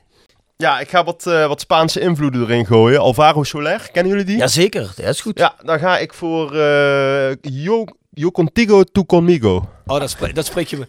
Zo. Ja, ik heb een cursus Spaans gehad vorig jaar, maar dat, daar, komt niet meer, eh, daar komt niet meer zoveel veel van terecht. Nou, als je dat nou zo goed uitspreekt als Ervo als Cito, dan, eh, dan, eh, maar dan in het Spaans. En wacht, oké, dan komt hij nog één keer. Yo contigo, tu conmigo. Dat is beter. Ehm, Waarom zei je niet gewoon Viva Sofia? Ik bedoel, eh, oh, ja, die, ja, maar die is al wel wat ouder, Ja, hè? wel ouder, Sofia. Nou ja, de, Sofia mag ook, maar goed. Ik ook niet. We zetten ze allebei in ieder geval erin. Ja, die was overigens in het poppodium in Tilburg in november. Was erg leuk. ah, die is goed. Die, Ja. ja. Die is goed, zeker. Nou, Bart heeft wat gevonden, zie ik. Nee, ik ben nog aan het zoeken. Nee? Ah, laat maar. Kom zo meteen wel, Bart. we hebben bij- er in ieder Ja, maar. Bart zit bij Pornhub te kijken. Dan weet je ook geen muziek. Dan ligt het, dan ligt het daar aan. Klik wel eens muziek in mijn oren. Laten we eens even een snelle ronde doen. Ja. Eh, Bjorn, drie beste spelers afgelopen seizoen. Dat is makkelijk. Patrick Fluke, heel 2022. Of bedoel je van dit seizoen? Nee, voor dit soort pak dit. Alleen dit seizoen? Bart zegt alleen dit seizoen. Eh, als we puur gaan kijken naar dit seizoen. Nee, ik, ik vind wel dat Rode individueel een aantal hele goede spelers heeft. Ik vind natuurlijk eh Vente top. Maar ik vind ook eh, Douglas vind ik echt een hele goede speler. En ik ben zelf ook eh gecharmeerd van Teun Bijleveld. Oké, Jasper? Douglas, Reuzeler en dan gaan we voor, omdat ik hoop dat hij in de tweede seizoenshelft het eh, meer eruit gaat halen, Romano Postema. Oké. Goed. Ja, nee, ook, ook eh, Vente, uiteraard. Ehm daar vind ik van der Heide vind ik, eh, veel potentie eh, hebben. En, eh, en ik vond voor zijn blessure naar het Reuzendorf vond ik, eh, vond ik, Mhm. eigenlijk- vond ik eigen- eigenlijk de enige echte versterking. Waarvan ik denk van ja, die is beter dan wat we hadden. Oké, Mo? Nou, heel erg saai. Ik had eh, opgeschreven Vente, eh Reusler, eh, ook om datgene wat ze daadwerkelijk gepresteerd hebben. En Douglas, omdat hij heeft laten zien dat hij het kan en die absoluut die potentie heeft. Die drie. Ja, ik ben het volledig eens met Mo. Die drie ook. Dus, eh, Maar moet je eens voorstellen, als Roda gewoon echt voor de ambitie was gegaan, dan had je een elftal kunnen hebben met Vente, Limbombe, dan had je bijvoorbeeld eh, Douglas erbij, Reuzeler, eh Bouchouari van vorig seizoen. Dus als je die mensen niet had laten gaan, maar je had daar gewoon beter daaromheen gezet. Fluke. Fluke, daar, had- daar, had je, daar had je zo acht, negen spelers gehad waarmee de Eredivisie een aantal jaren in had kunnen gaan. Dat vind ik gewoon had je in eeuwig ieder geval zonde. een aanval naar de top kunnen doen. Dat vind ik eeuwig zonde. Want die jongens, een Bouchouari en een Fluke, die hebben nooit het genoegen gehad om met fatsoenlijke verdedigers te spelen. Terwijl je met een eh, Reuzeler en een Douglas, nou, dan kom je wel een heel eind. Ja, het grootste gemis is Emmers, vind ik ook. Want de dynamiek Emmers, die die jongen heeft, Ja. hoe die, hoe die door de Die linies was- heen die brak, was- die was echt, eh, dat, dat heb ik niet meer gezien. Ja. Heeft daar ooit nog iemand iets van gehoord? Hoe Nou, ja, het eh, gaat redelijk bij Rapid. Volgens mij staan ze tweede, als ik me niet vergis, in de Roemeense competitie. Dus, eh, maar hij scoort daar niet veel. Dus het is wel een beetje een speler in de marge daar. Hij speelt wel altijd. Hij speelt ik. altijd, maar hij is niet zo eh, bepalend als bij ons eh, destijds. Ja. Oké jongens, gezien de eerste seizoenshelft, wat ontbreekt er Mo? Wat is er? Eh, Ah, die Mo zit er lekker in vandaag, hè? Oh, nee, als, je, als je vanmiddag begint na te Mr. denken over, hè? als je vanmiddag begint na te denken over, kijk eens terug op het afgelopen seizoen, en dan heb ik inderdaad eh, het seizoen gepakt in dit jaar. Ehm, dan ontbreekt er een hoop. Ik bedoel, Strappel is weg, maar Strappel is ook op het goede, in die zin op het goede moment weg. Buiten het feit dat het heel veel kwetsbaarheden blootlegt, eh, had ik ook niet het idee. Kijk, hij staat wel net- netjes elke wedstrijd met een bepaalde arrogantie een persconferentie te doen en, en denigrerend te zijn over de KKD. Maar hij had het ook helemaal niet meer. Hij zag het helemaal niet meer zitten. Hij zag helemaal niet meer wat er moest gebeuren en hoe hij het kon, eh, kon veranderen. Dus, dus een trainer hadden we eh, eh, niet. Eh, of hadden we wel, maar het functioneerde wat mij betreft niet. Zag het niet meer. Kreeg, want we hebben toch een aantal aardige poppetjes gehaald. Tenminste, vind ik. En misschien in de balans had je nog graag een nummer 6 gehad. Dus die, had je, die miste je ook. Maar dan nog denk ik dat we best een aardig team hebben. We hebben ook af en toe sprankjes van, van mogen zien. Maar ook heel, heel lang niet. Ik bedoel, afgelopen seizoen, eh 21, 22, kon je af en toe nog wel eens genieten van de wedstrijd. Ik, dat gevoel heb ik helemaal niet van 22, 23. Eh, dat we dermate veel eh, controle, overwicht eh, hadden. Terwijl het des te frustrerender was, omdat we bijvoorbeeld achterin dacht het veel beter voor elkaar eh, eh, eh, te hebben. Dus ik, we, we hadden geen balans. We hadden eh, wel, weliswaar een trainer die we nu niet meer hebben. Maar wat mij betreft functioneerde die niet. En we misten een speler bijvoorbeeld op een cruciale positie zoals, eh, zoals de nummer 6. Het is inderdaad wel zo dat je met de individuele kwaliteiten die je hebt, zou je gewoon eh, hoger moeten staan op de Zeker. ranglijst. Zou je op zijn minst rond die vijfde plek moeten staan en eh, niet lager. Ja, maar goed. Dit, dit Is er nog iemand die vindt dat er iets anders ontbreekt? Sorry Bart. Of heeft Mo het goed samengevat? Mooi, uitstekend samengevat. Nou, ik, ik mis centraal achterin ook nog wel wat. Want we hebben Reuzeler natuurlijk. eh, maar ik vind eh, zeker zo'n Van de Pavert. Ja, die zakt zo enorm door de mand. eh, dan vind ik dat daar nog wel iemand naast mag staan. Dus Reuzeler en nog een sterke centrale verdediger erbij. Dus eigenlijk twee mannen in de as nodig. Ja, ja, ik denk dat dat wel gezien. cruciaal. Want aanvallend ontbreekt er niet zo heel veel aan. Misschien wat meer dynamiek kun je er nog naar zoeken. Eh, een beetje type Emmers. Maar ja, ga die maar eens vinden. Ehm, dus nee, ik denk dat dat wel een beetje hetgene is wat we nog eh, nodig hebben, ja. Nou ja, goed, dan maken we even het bruggetje naar Jurgen Streppel. Die is natuurlijk weg. Bjorn zegt net, qua individuele kwaliteit hebben we in principe een team wat hoger kan staan. Nou, heeft het dan aan de trainer gelegen, Bjorn? Ja, voor een groot deel natuurlijk wel, want hij heeft die jongens gehaald. Dus hij moet eigenlijk weten wat hij in huis haalde, wat hij ermee kan. En ehm, ja, je staat negende. Dus eh, het is zijn verantwoordelijkheid. Hij heeft ze gehaald, maar hij traint ze ook, hij coacht ze ook. Dus hij heeft niet het maximale uit de groep gehaald wat erin zit. Dus het komt voor een fors deel op eh, de schouders van Jurgen Streppel. Bart, eh, over Jurgen Streppel gepraat. Ik weet niet wie dat net zei. Je zei volgens mij zelf, Jurgen Streppel heeft misschien ook wel een beetje de vlucht naar voren genomen. Hè? Denk jij dat het, om het van een andere oogpunt te bekijken, denk jij dat misschien Roda ook wel goed uitgekomen is dat Jurgen Streppel vertrokken is? Mede bijvoorbeeld zo'n Joris Peters, waarvan veel mensen zeggen, nou, Joris moet eigenlijk blij zijn, want als Streppel nog drie wedstrijden had verloren, dan, dan had hij misschien toch eh, een serieus gesprek moeten hebben. Die, die was in gewetensnood gekomen. Want die had hem natuurlijk... eh, ja, ik, ik ik weet niet of er ooit een moment was gekomen dat hij hem überhaupt zelf had weggestuurd. Uh, en ik denk wel dat dat moment uh, voor heel veel fans op een gegeven moment wel gekomen was, als, het niet, als ze dat niet al gepasseerd zijn. Dus in die zin is het ook een verlossing natuurlijk. Kijk, het, het legt direct alle kwetsbaarheden bloot. Het legt direct helemaal bloot uh, waarom dit geen goed idee was om hem eigenlijk alle, alle macht in handen te geven. Maar dat dit moment een keer zou komen, wisten we ook. Dat wist je toen je, toen je Van As wegstuurde en hem die dubbel gaf. Toen wist je dat er een moment kwam dat hij een keer weggaat. En dat je dan dus niks hebt om terug te vallen.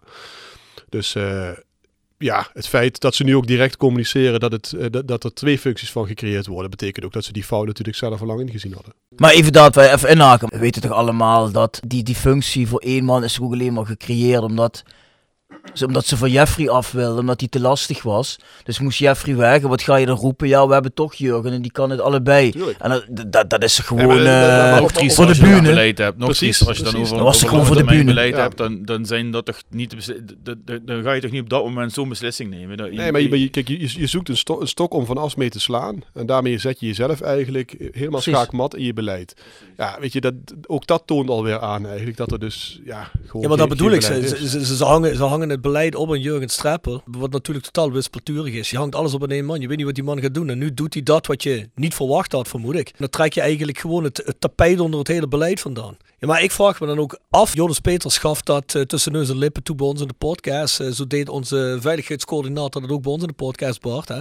Zei allemaal, we zijn aan het learnen on the job eigenlijk. Hè. Ja, de Phoenix groep is dat eigenlijk ook aan het doen, toch, of niet? Want eh, wat jullie net zeggen, dit spreekt toch niet van heel veel beleid eigenlijk, hè? Een beetje lik op stuk. Dat, dat klinkt als een heel leuk excuus, maar dat is het niet. Want of jij nou een, een voetbalclub leidt of een bedrijf leidt. Ik weet dat ik heel veel kritiek over me heen zou kunnen krijgen, potentieel, want voetbalbedrijf is heel anders allemaal leuk en aardig, maar uiteindelijk kies je toch voor een bepaalde visie en een lange termijn beleid. En daar moet je je beslissingen op afstemmen.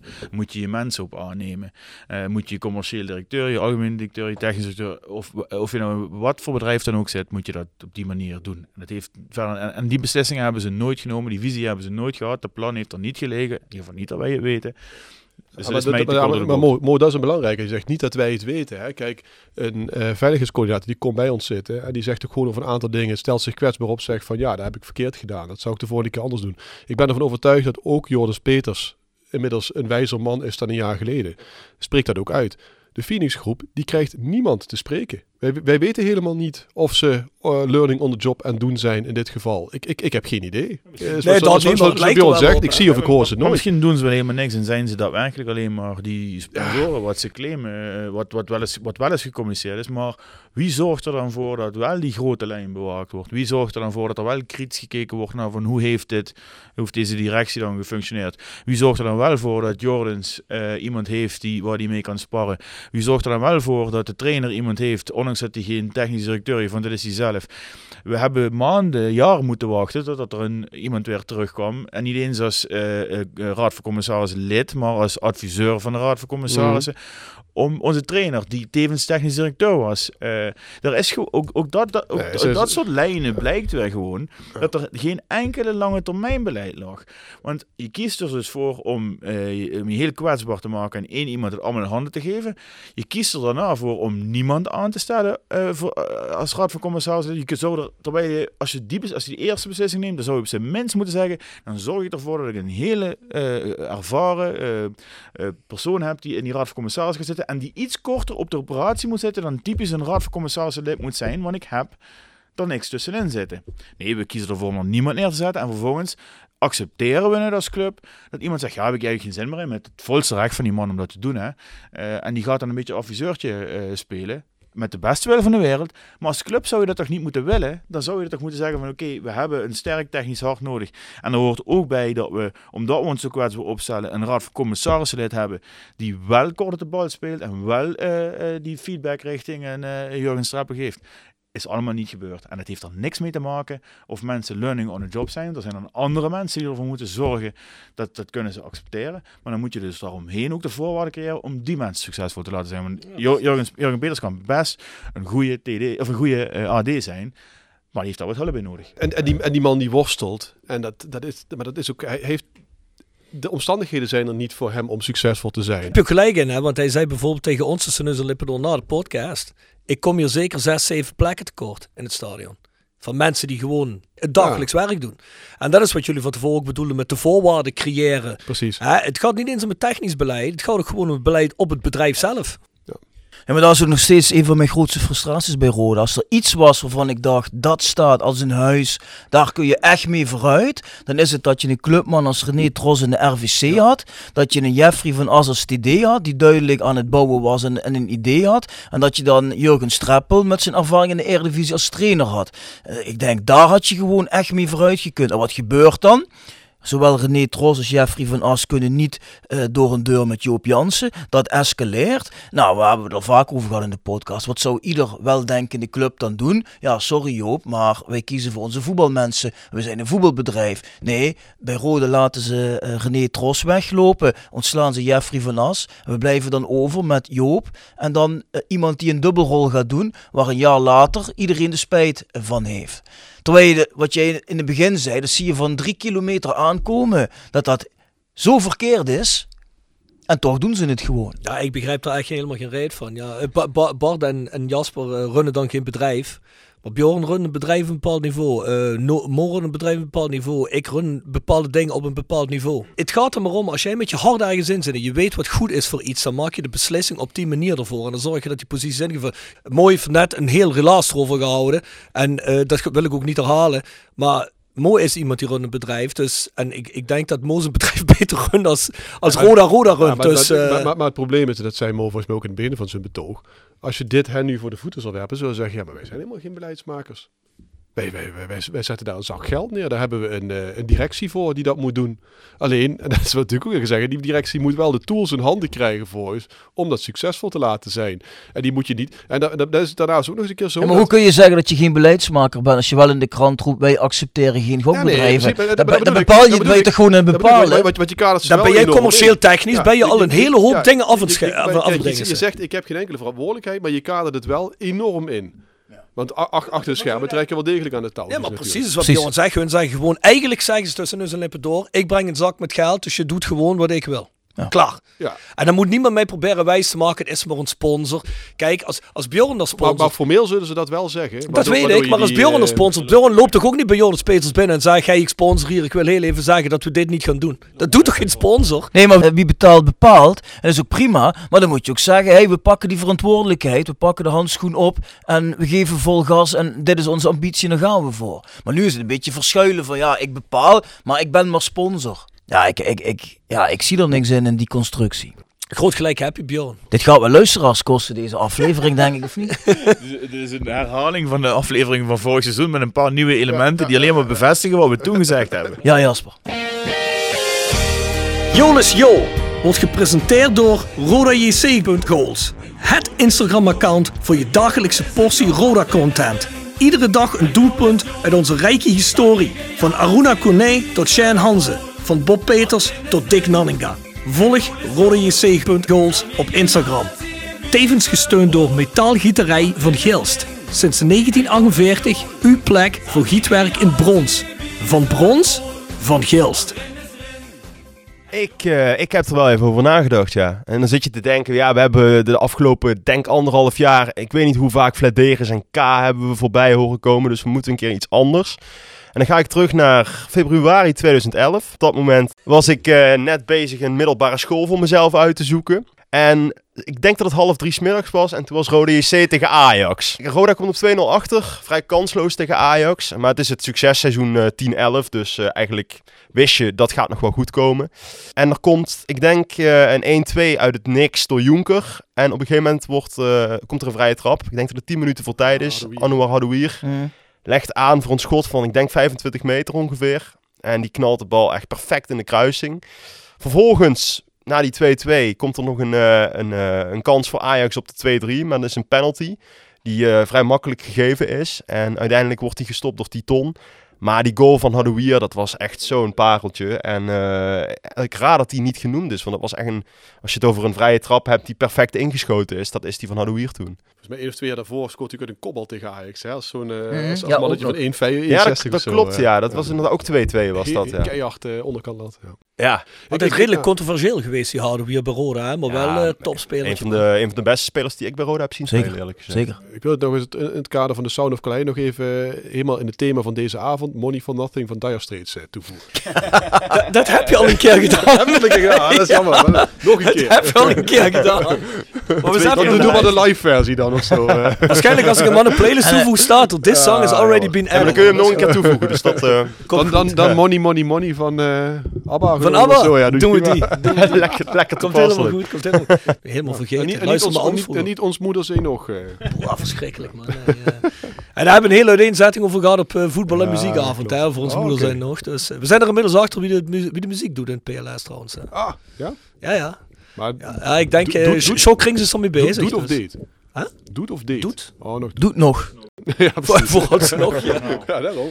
Die hoort nu dat hij eh, aan zijn laatste Ja, wedstrijd als, is. als die persoon de, de podcast, hoort, de live podcast, ligt ligt je zweet eh, in zijn nek, denk ik. Nu we trainer TD gebeuren, hebben we het eigenlijk een beetje over gehad. Hè? Maar als we nou heel even snel zijn, een, een, een naam die je te binnen schiet voor een TD. En dan heel even snelle ronde, mo. Of trainer mag ook. Of allebei. Eh, TD vind ik heel erg gezegd moeilijk.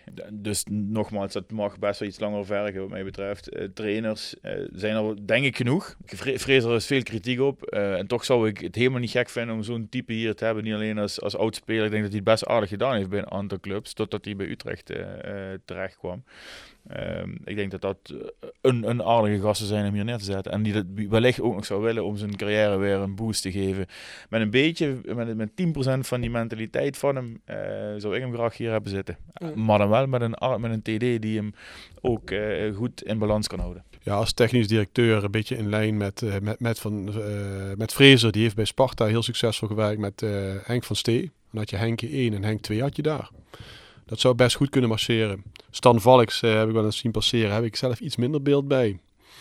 Maar Van Stee zou ik wel goed vinden. Als trainer Fraser zou ik mee kunnen leven. Ramsey zou ik mee kunnen leven. Maar wat ik zelf het meest gaaf zou vinden. Ik weet dat hij papieren niet heeft en dat het allemaal lastig is. Maar dat is K. En dan met name eigenlijk omdat als wij in die omstandigheid blijven dat wij met een beperkt budget moeten werken, dan heb je een trainer nodig die iets anders doet. Die wel een visie heeft. En dat gevoel heb ik bij hem. Als ik verhalen van hem lees, dan denk ik van hij heeft daar echt ideeën over. En ik, ik denk dat hij succesvol kan zijn zonder het hoogste budget te hebben. Ja, en hij heeft in Canada en in Amerika, waar hij Ja. nu werkt, daar heeft hij ook gewerkt met teams waar niet veel budget was. Nee. En hij is ontzettend geliefd bij zijn spelers. En hij heeft een gedreven, drive, die second to none. Hè. Ik, ik, ik, ik heb daar gewoon een beetje idee, weet je, co-Adriaanse idee heb ik daar een beetje bij. En dit heeft niks met speelwijze wat dan ook te maken, want dat weet ik niet. Maar Adriaanse kwam toen ook op een gegeven moment bij AZ, toen er al jarenlang miljoenen ingepompt werden. Hè. Dan had Van Hanegem had daar gezeten, Van der Lem had daar gezeten, ook Henk van Stee had daar als trainer gezeten. was allemaal niet succesvol. Middelmatige spelers zijn Jan Kromkamp en Barry Opdam en zo. Allemaal uit spelers die denken, ja, Ja, wel het WK is ook, niet, is ook niet heel veel. Maar hij kwam en hij deed het anders. En Mhm. dat ging ineens wel marcheren. En dat, ja, dat, dat gevoel heb ik een beetje wij ook nodig hebben. Zo'n innovatie. Ja, ik vind, ik vooral K ook, hij heeft een ongelofelijke drive om te willen Ja. winnen. Hè. Ja. Ik bedoel, als je die jongen een beetje volgt op Instagram, eh, ja, dat, dat, dat is alles, alles spat er vanaf van ik zal niet verliezen. Ja, nee, volgens mij staat boven alles wat Roda nu nodig heeft. Ja, luister, technisch directeur, er kan er maar eentje worden. De Rode moet het fout recht zetten. Jeffrey van Assen opnieuw eh, Ik, aanstellen. ik, ik, ik, ik Dat, denk dat ze eh, vanavond nog gaan bellen. Daar, daar zou ik geen Ja, het, enkele... het- het is jammer dat dat niet kan met, de, met, de, met Nee, dat deze kan niet. directie, maar het zou wel. Maar, eh, Nou, het kan wel met de directie, maar ik denk vanuit de Phoenixgroep kan het natuurlijk dat niet. Dus eh, hoewel ik er absoluut niet eh, op tegen zou zijn. Ja, kijk, eh, iemand als Ted van Leeuwen is vrij. Dan, daar haal je echt een bak eh, ervaring en kennis binnen. Maar volgens mij heeft ook een Joris Matthijssen een aantal jaren bij Willem II heel goed gedaan. Dus is toch de eerste naam die soms bij je opkomt als je denkt uh, Joris Peters, Joris Matthijs, hè, Ja. of niet? jij maar ook omdat Zou hij dat van niet de Willem eerste zijn II is. die je opbelt? Ik denk het wel, vooral omdat er de Willem II connectie Ja, is. Dus eh, ja, dat zijn er dan drie die met de binnen schieten, maar dat zou ik op zich prima vinden. En als trainer eh, ja, zou ik gaan voor de Aliou Cissé, de bondscoach van Senegal. Dat lijkt me prachtig, die man met die dreadlocks eh, bij Rode langs de lijn, met zijn petje Ah, die op. was wel te gek. Schitterend. Maar los daarvan, ehm, ja, er zijn zoveel trainers waarvan ik denk, daar zou ik niet op tegen zijn. Fraser met zijn ervaring en zijn drive. En omdat hij een Roda verleden heeft. K lijkt me ook schitterend. Ja, wie is nog meer vrij? En, en, eh, ik heb ook eens de namen gehoord van Adil Ramzi of Maarten Martens. Lijken me jonge trainers die eh, in opkomst zijn. Zou ik ook prima vinden. Ik zou ook Fred Grim niet erg vinden. Volgens mij kan die ook wel wat. Maar ik bedoel maar, er zijn, eh, als je een uur bij elkaar gaat zitten, heb je zo vijf namen. Adil Ramsey vond ik een verrassende naam die een aantal weken genoemd werd. En die had ik niet eens zo gedacht, maar dat zou ik ook helemaal niet gek vinden. En, we moeten natuurlijk ook nog even denken aan onze goede vriend Calais. Glenn Bok. Moeten we natuurlijk ook even Ah, Stijn Vreven noemen. Stijn Vreven, ja, ja, ja. de Indiaan. Ja, je bent gek. Ja, nee, ja. Dat, eh, nee, dat zie ik niet. Dan zetten we een typie neer op Calais. Glenn Bok is ervan overtuigd zeggen, dat we dan omhoog gaan. Toch? Dan, nou, als ze die aanstellen, dan heb je in ieder geval Glenn Bok niet in de, in de tegenstand. Hè? Ja, dan eh, zal hij altijd eh, met je meegaan. Ja, ja. Jasper, jij? Nou, TD is het eh, gras voor de voeten weggemaaid wat betreft Ted van Leeuwen. Dat vind ik de meest ideale persoon. Als trainer eh, kijk je toch naar successen. Wie heeft in het recente verleden successen bere- eh, bereikt? Met een Roda verleden. En dan hoor ik de naam van Adrie Koster nog helemaal niet. Ho, ho, Oh, op, die- die- is hier Die grootste maloot rondloopt. Nee, ja, die... Knute, zet de microfoon uit alsjeblieft.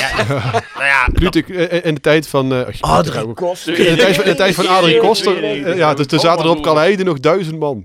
ja, maar, ja, ja, Koster. ja, maar goed, die heeft het bij Willem II echt gewoon perfect gedaan. Ja, daar kun je ook Ah, het Frans voor noemen. Jongens, het was wel een jonge Adrie Koster. Ja, maar Dat nu is hij was, eh, 80. Ah, hou op. Nee, maar... Ja, nou ja, goed. Ik zou het voor zeker voor de korte termijn niet erg En vinden. jij werkt bij ESPN en dan kom je dan met Ja, maar Adrie luister, Koster. Ad- Adrie- Adrie Wat doe je daar de hele Ah, dag? Ja, maar luister. Maar dit, dit is toch dat leeftijdsverschil, denk ik. Want Jasper heeft die jaar natuurlijk helemaal niet meegemaakt. Nee, ja, ik heb Adrie Koster gezien dat hij heel Willem II gek maakte met een derde plek in de Eredivisie. Toen lag hij nog aan de Ja, borst. Vijfde. Ja, nee, uiteindelijk vijfde, maar ze hebben heel lang derde gestaan. En eh, als je dan gaat kijken naar voor de lange termijn, dus iemand die echt wat kan neerzetten, dan vind ik Adil Ramzi echt een perfecte kandidaat. Eh, bij PSV heeft hij in de jeugdelftal echt in lengte van jaren goed werk verricht. Is ook vaak kampioen geworden met zijn teams. Eh, nou ja, daar zou ik van zeggen, daar zou ik meteen mee gaan praten, omdat hij iets, hij kan iets nieuws introduceren.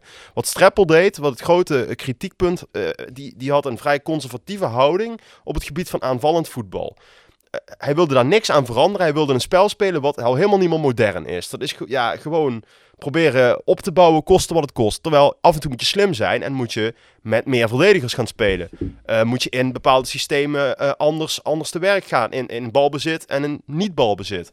Ja, ik denk dat je iemand nodig hebt die recentelijk zijn diploma heeft gehaald. En dan is Adil Ramzi gewoon een ideale kandidaat. Zou ik ook prima vinden. goede- goede Maar, eh, is dit niet vrij, uh, Darije Kalesic?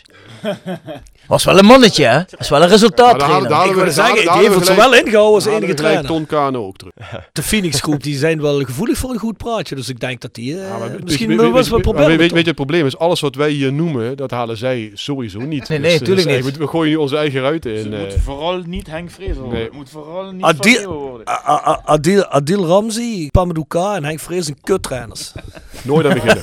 Nooit aan beginnen. Ik, eh, ik, Ah, Adil Ramzi... ik, ik, ik betrap me er wel op. Ja. Weet je, als, als ik zo aan het speculeren dat je zo'n Ted van Leeuwen in mijn- hoofd rondgaan. Maar direct denk ik al van ja, maar ja, die komen toch niet. Met perspectief Ja, en dat, en dat is is, dus, eh, en dat is dus dat is iets triest, wat ja. denk ik ook wel een heel klein beetje eh, tekenend is voor, voor, die, voor de Roda-bestuurders op dit moment.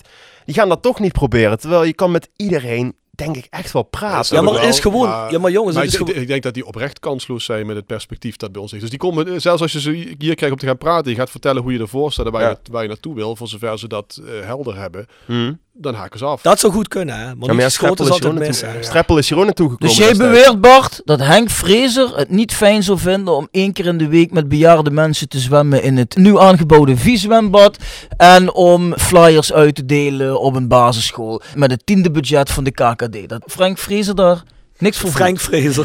Frank Vrezer. ik, ik, ik, ik denk dat Henk daar de hele kerstvakantie over nagedacht heeft. Ja? En dat hij misschien dat het kwartje net de verkeerde kant op valt. Jammer, jammer, jammer. Ik denk, dat, ik denk dat wat er tegengehangen heeft, is dat hij wel elke week gewoon een kopje koffie kon gaan drinken met Shane Hansen. Dat had hij denk ik wel eh, fantastisch. Eh, precies. Als hij een elektrische auto heeft, zou hij toch eh overstag gaan voor die niet werkende laadpalen. Maar dat vind ik nou wel het negatiefste wat je gezegd Ja. hebt in deze podcast. Hè. Ja. Moest dat meteen gaan uitproberen en het werkte niet. ik wil godverdomme de club sponsoren en al die MVO-activiteiten mogelijk te maken. Ik kreeg er al kritiek over van Bart. Wedstrijddagen kan ik dat niet, hè, want dan is onverantwoordelijk als ik dan met die ketel kom en ik moet een paar biertjes drinken. nu denk ik, gast, met de kinderen naar de bioscoop, zet mijn auto er neer. Ik denk dat die paar cent die ik erin duw, op, dat gaat allemaal naar Ah, voren. die Daar kunnen mooie dingen mee doen. Ja, werken er niet. Wat had je kunnen verwachten? Godverdomme. Nou, eh, daarop inhaken. Ik wil wel tegen iedereen die luistert zeggen: koop een halve seizoenskaart. Want nu gaat het gebeuren. Eh, ik denk dat de helft inmiddels bij Stichting Correlatie aan de lijn zit. Maar eh, Misschien jinxen wij dat wel. Misschien moet Ruud iets zeggen om het te jinxen. Van het seizoen is voorbij. Dan gaan we nou ja, ik bij deze dames en heren, het seizoen is voorbij. Hopelijk komt er dan nog Dit iets is- dit is niet- positiefs Dit is niet overtuigd. Hij moet dat, eh, zoals hij dat normaal ook op de app doet, met zekerheid... eh, Stelligheid. Stelligheid. Stelligheid. ja. FC Volendam en FC Groningen Nu weet ik het zeker, jongens. Het is voorbij. Nee, maar luister, laten we eerlijk zijn. Ik denk dat je best na 2,5 seizoen Phoenix Groep best een paar conclusies mag beginnen te trekken. Ik hoop dat we een positievere podcast kunnen geven op het einde van dit seizoen. Maar je mag toch best een kritische noot kraken over 2,5 jaar beleid tot nu toe, of niet? Hey, ik had liever gezegd, ook. ik had liever Ja. kunnen zeggen, wat hebben wij ernaast gezeten? Het gaat crescendo. Nou, Zeker. Had, had ik liever 100 gezegd. 100 Geen enkel pro- graag zelfs. Mensen denken soms wel eens dat wij dit doen omdat we graag... Ik heb al dingen gehoord. Ze willen macht in de club. Ze, ze willen dit, ze willen... Nou, ik zou nog niet voor 100.000... Ja, misschien voor 100.000 euro wel. Maar ik zou nog geen macht in die club willen. Dit is toch altijd een klein beetje hetzelfde slangen. Net zoals het van tevoren was. Er zijn misschien een paar slangetjes uitgehaald. Maar je moet gewoon op een gegeven moment... Moet je eens een keer echt mensen... Want dat verhaal word ik ook kotziek van. Hè. Ja, er moeten geen mensen met een rode hart zitten. Want die maken emotionele beslissingen. Was er maar eens iemand die een emotionele beslissing maakte. En dan hoef je niet onnodig 3 miljoen over de balk te gooien. Maar wel iemand die zegt, jongens, ik zit hier voor Roda. Ik wil dat Roda naar boven gaat. Ik wil nu een fatsoenlijk beleid uitstippelen. En dan wil ik best geld tegenaan gooien. Maar dan moet het wel goed zijn. En dat doe ik omdat ik van deze club hou. En dat zie ik helemaal niet. Nee, maar ze eh, wat, ze er wel mee eh, veroorzaken is dat, dat mensen stelselmatig minder zin hebben om naar Roda te kijken. Als ik voor mezelf spreek, ik had daar altijd zin in. Iedere wedstrijd keek ik er naar uit. Maar nu, als ik naar morgen kijk, het is dat het een leuke uitwedstrijd is. Waar we het gisteren ook in de Voice Matchday over gehad hebben. Maar anders weet ik niet. eh, misschien was ik wel wat anders gaan Ja, doen. Bart Eurlich zegt me net dat hij morgen niet gaat drinken. Dus ik heb al helemaal geen zin meer in die busreis. Dus voor mij hoeft het al niet meer. Vind je mij nu niet gezellig dan? eh? Vind je uiterst gezellig? Nee, maar ja, st- ik bedoel, stel het ergste scenario, je krijgt morgen met 4-0 op je flikker, wat, wat wel gewoon kan. Realistisch Eh, wat realistisch is, want Willem II gaat echt iets anders doen, denk ik. Dan gooien we Eh, de trainer eruit. Oh nee. oh nee, ja precies. Nee, maar eh, kijk, weet je, dan, dan, dan, dan heb je, ben je echt iedereen dadelijk kwijt. En dan zit je voor, met, met 2000 man te voetballen op de vrijdag, eh, vrijdagavond. Want die kant gaat het wel een heel klein beetje uit. Hè? We staan nu eh, een paar plekken verwijderd van plek 15. Ja, ja weet je... Een paar punten bedoel je? Een paar, ja, nou ja, Ja, ja, plek inmiddels ook. plek inmiddels ook. Dus nog altijd zijn. ja, dus dat ik inmiddels wel denk van ja jongens, eh, als er nu in de maand januari niet snel wat resultaatverbetering komt, dan raak je echt iedereen kwijt dadelijk. Dat gaat echt gebeuren. Five Aside. Gepresenteerd door Herberg de Bernardeshoeve. Weekendje weg in eigen streek? Boek een appartementje en ga heerlijk eten met fantastisch uitzicht in het prachtige Mingersborg bij Marco van Hoogdalem en zijn vrouw Danny. www.bernardeshoeve.nl Tevens worden we gesteund door Wiert's Company. Ben je op zoek naar extra personeel? Bezoek het kantoor van Wiert's Company in het Parkstad Limburgstadion of ga naar www.wierts.com. Laten we eens samen een five-a-side maken over de vijf voetballers die we uit de eerste seizoenshelft wel zouden opstellen. Keeper Bart. Ja, dat, eh, ik, ik, ik ga altijd voor Moritz Nicolas. Ik, eh Rodi de Boer Geen justice voor Rodi? Daar besta je Nee. niet achter. Ja, maar ik vind Nicolas... Hashtag justice voor Rodi. Is die hashtag Ro- er? Ro- Rodi zijn vrouw wel, maar... Ja, maar, vind Rodi jij, vrouw, ja, dat- dat- dat- die zal altijd eh, erop staan. maar Bart, vind jij Nicolas zo beduidend beter dan... Niet beduidend Een beter. contractspeler. Nee, Maar geen hij- gekke hij- dingen. Hij, hij stelt teleur, maar dus de, Moritz Nicolas zat in een 6 of een 6,5. En eh Rodi de Boer die heeft af en toe echt een zware onvoldoende. Dat, eh dat kun je niet opbouwen. Rodi de Boer is een enkele keer een 8 of 9, maar heel vaak maar een 4. Dus ja, maar het het begin probleem. van dit seizoen vond ik hem niet zo verkeerd. Dus. Ja, maar de ene keer dat hij erin kwam in de bekerwedstrijd, zat hij weer eh voorlangs balletjes Die wedstrijd spelen. tegen NAC was wel weer ouderwets. bij die penalties had ik absoluut, heb ik geen seconde het gevoel gehad dat hij er eentje uitging. Nee. Nee, maar het is nu ook niet zo dat ik zeg van Nicolas, dan moet je alles voor in het werk Absoluut stellen om die hier nee, te nee, houden. Nee, maar, Nee, maar- nee, maar nee. het is- het is dus bij gebrek aan beter. Ja, oké. Ja, ja. We hebben het over de selectie van de eerste seizoen. Ja. Mag jij meteen een verdediger noemen? Ja, dan zou ik al Niels Reuzeler gaan. Dat is eh by far eh, punt 1 een leider. Ik denk dat we dat ook eh, voor de rest missen in dit, in dit elftal. Een leider, een, iemand die de boel neer kan zetten. Die ook soms hard kan zijn, wat moet. Een goed uithangbord voor de club. En kopsterk, kan een man uitschakelen. Dus in de opbouw kan hij beter, dat is wel zo.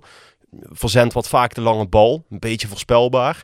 Alleen, hij is wat dan, voor de rest is het gewoon een, voor dit niveau een topverdediger. Oké, Mo, een middenvelder. Het gras van de voeten van eh Jegersweg eh maaien. We worden toch eh, de Fox. Gewoon moet, Logisch. Moet erin. Moet erin. Logisch. Helemaal mee. Bjorn, een middenvelder, aanvaller. Ja, eh, dan ga ik voor Teun Belenveld. Prachtig linkerbeen.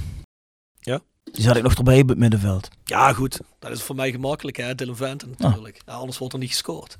Ja. Dus onze five-a-side is eh, Nicolas, eh Reuzeler. Fox, Fox, Belenveld, Belenveld, Vente. Vente. Denk je dat we daar een five-a-side mee kunnen winnen? Nee. Nee.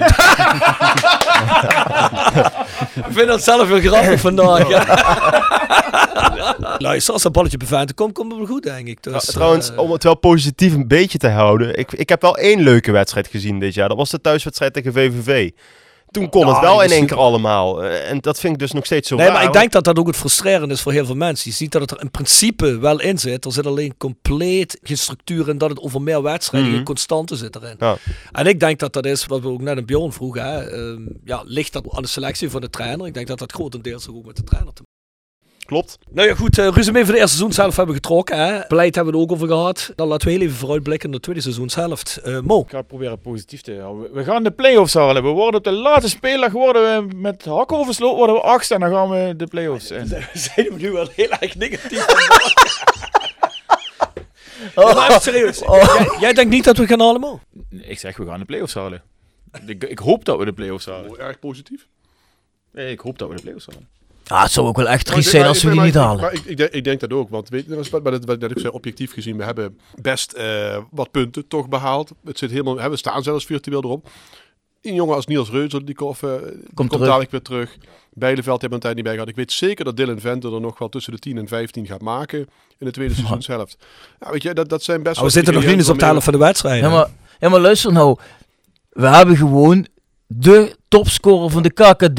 En dus, normaal staat iedere club met de topscorer bij de eerste drie. En wij hebben de topscorer op stand negende. Ja. Nee, maar, maar, maar ju- juist daarom denk ik, die play-offs, die gaan we halen. Daar ben ja, ik- dat denk ik ook wel. overtuigd. We hebben ook Raymond Strijbos, die En regelt en dan dat. zullen we wel zien eh, waar het schip strandt. Nee, dat denk ik ook wel dat we die PO halen. Moet je gewoon. Ja. Ongeacht of Streppel er wel is of niet is. Als, als de selectie fit blijft, dan moet je die PO halen. Je, Jasper? En dan gaat het gebeuren. Jawel, jawel.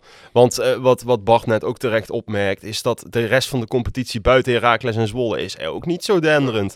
Dus je moet gewoon, eh, als je een paar goede wedstrijden wint achter elkaar, dan kan het al heel anders eruit zien. En dat hebben we ook wel eens gezien, hè, dat Roda in de tweede seizoenshelft, eh, de, de, de recentelijk nog, hè, de afgelopen twee seizoenen, de tweede seizoenshelft is beter dan de eerste. Ja. Dus ik voorspel gewoon een plek 7 of zo. Ja, en dan, en dan gaan we de PO in en, als, en dan winnen we die.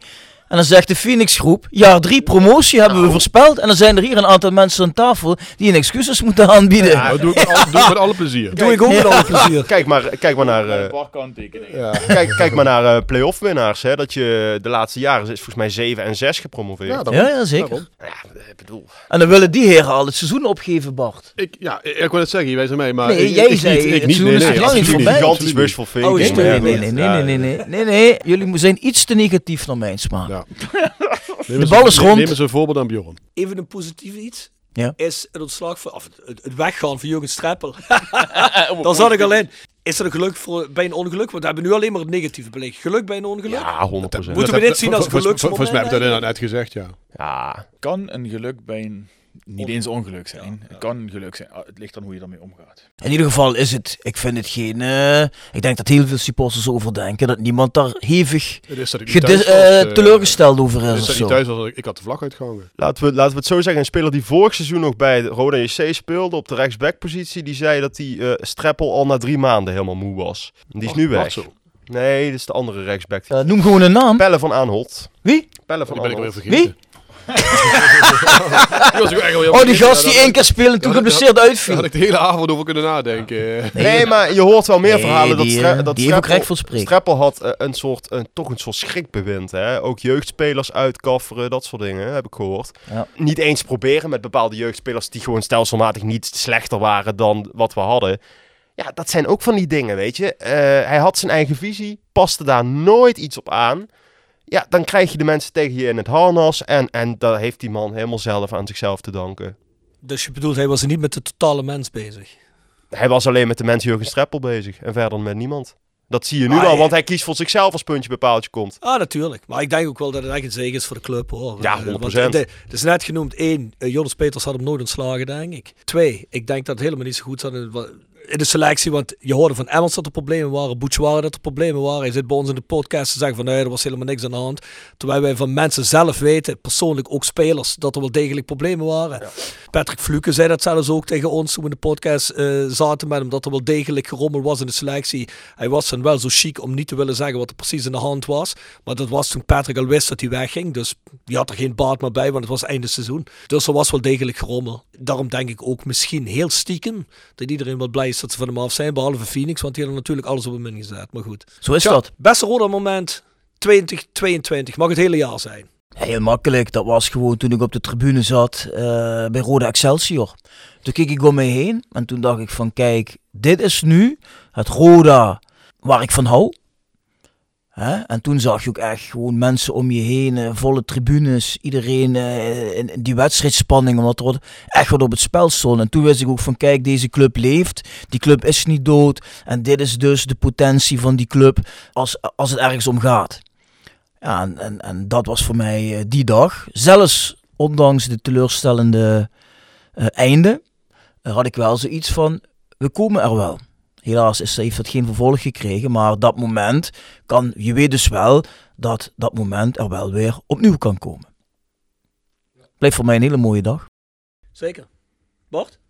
Nou, voor mij zit hij die wedstrijd daarvoor. Eigenlijk eh laatste thuiswedstrijd van het seizoen. Ik had in de eerste seizoen zelf toen al een keer mijn zoontje meegenomen naar een wedstrijd. Toen sloeg het niet heel erg aan.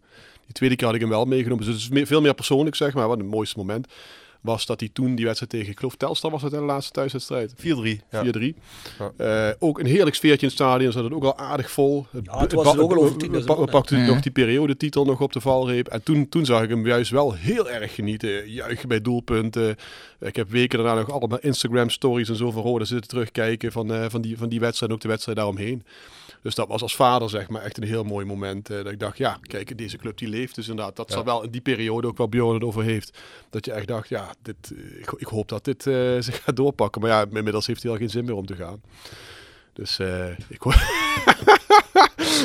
dus ik hoop, eh, ik, ik hoop over een tijdje... Eindigen op een ik, positieve hoop, Ja, nee, ik, ik hoop over een tijdje dat we weer een keer in die stemming komen... dat hij weer een paar jaar verder is, of een paar maanden verder is, zeg maar. En dat het, ja, dat het echt gaat beklijven. Maar ik moest er wel even over nadenken. Eh, ik hoop ook niet dat mensen allemaal hulplijnen zijn gaan bellen eh, tijdens deze podcast om mij eh, van zelfmoord of springen van een brug af te houden. Dat is niet het geval. Roda zit heel diep en dat maakt het waarschijnlijk ook dat je er zo over, over irriteert en dat je zo aan het hart gaat. Ik ga nu nog naar Roda, heel eerlijk, gewoon lekker met vrienden, die kameraadschap, biertje drinken, een beetje ouwehoeren. Eh dat is wat mij naar Roda doet blijven gaan. En dat zal ook niet, eh, niet veranderen. En zoals Bart het aangeeft, dat je je zoontjes meeneemt en dat je hoopt dat ze daarin opgaan.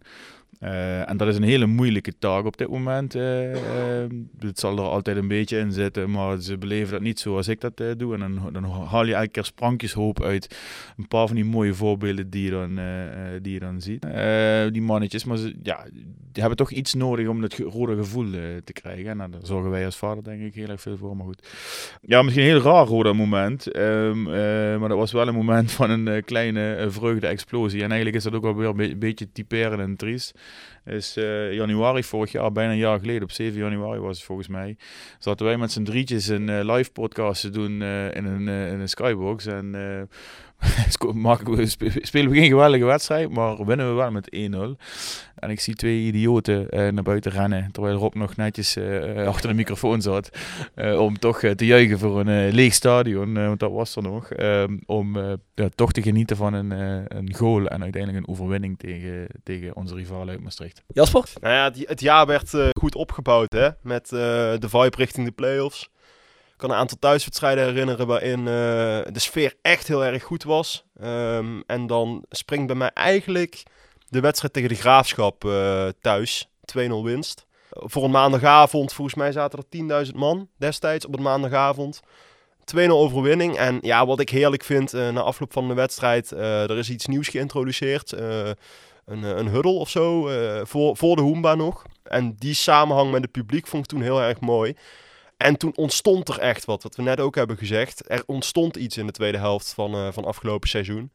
En als dat dit seizoen weer zou kunnen ontstaan, na een hele vervelende eerste seizoenshelft, dan zou dat fantastisch zijn, want het zit er dus wel in. Alleen, ja, die mensen bovenin moeten dat eens een keer achter de oren, eh, of eh, moeten dat een keer doorkrijgen. Want met deze club kun je zoveel meer dan wat erin zit. En ik hoop dat dat in 2023 weer wat meer naar de oppervlakte komt. Want ja, ook ik wil later uh, aan, aan, aan mijn kinderen eventueel de Roda liefde overdragen. En dat gebeurt nu te weinig. En dat vind ik, uh, vind ik jammer, want dan moet, ja, kom op man. Uh, ook al staan we op de achtste, negende plek. Ga gewoon lekker op die vrijdagavond naar het stadion. Alleen daarom al, het, het, het is zeker de afgelopen wedstrijden zo desolaat geweest. Terwijl dat, dat is, eigenlijk valt er nog heel veel voor te spelen in het tweede seizoen zelf. Dus kom gewoon. We staan niet op de twintigste plek. Ja, dus als er een, uh, een dame erbuiten is die, uh, die kinderen met Jasper wil uh, maken, waaraan die zijn liefde kan overdragen, je kunt je melden Mm. bij de Voice of Calais at uh, South 16. Want jij had toch een hele leuke vriendin toen, Jasper? In die tijden dat wij die ene, in die ene appgroep zaten, was er toen nog op dat... Waar we ook even een aantal keer met, met, met supporters deden communiceren. In oh, dat, op uh, Dingeshouse, weet dat? Clubhouse. Clubhouse. Jezus, er zat toen wel een vriendinnetje van jou in, maar die had een hele aardige profielfoto.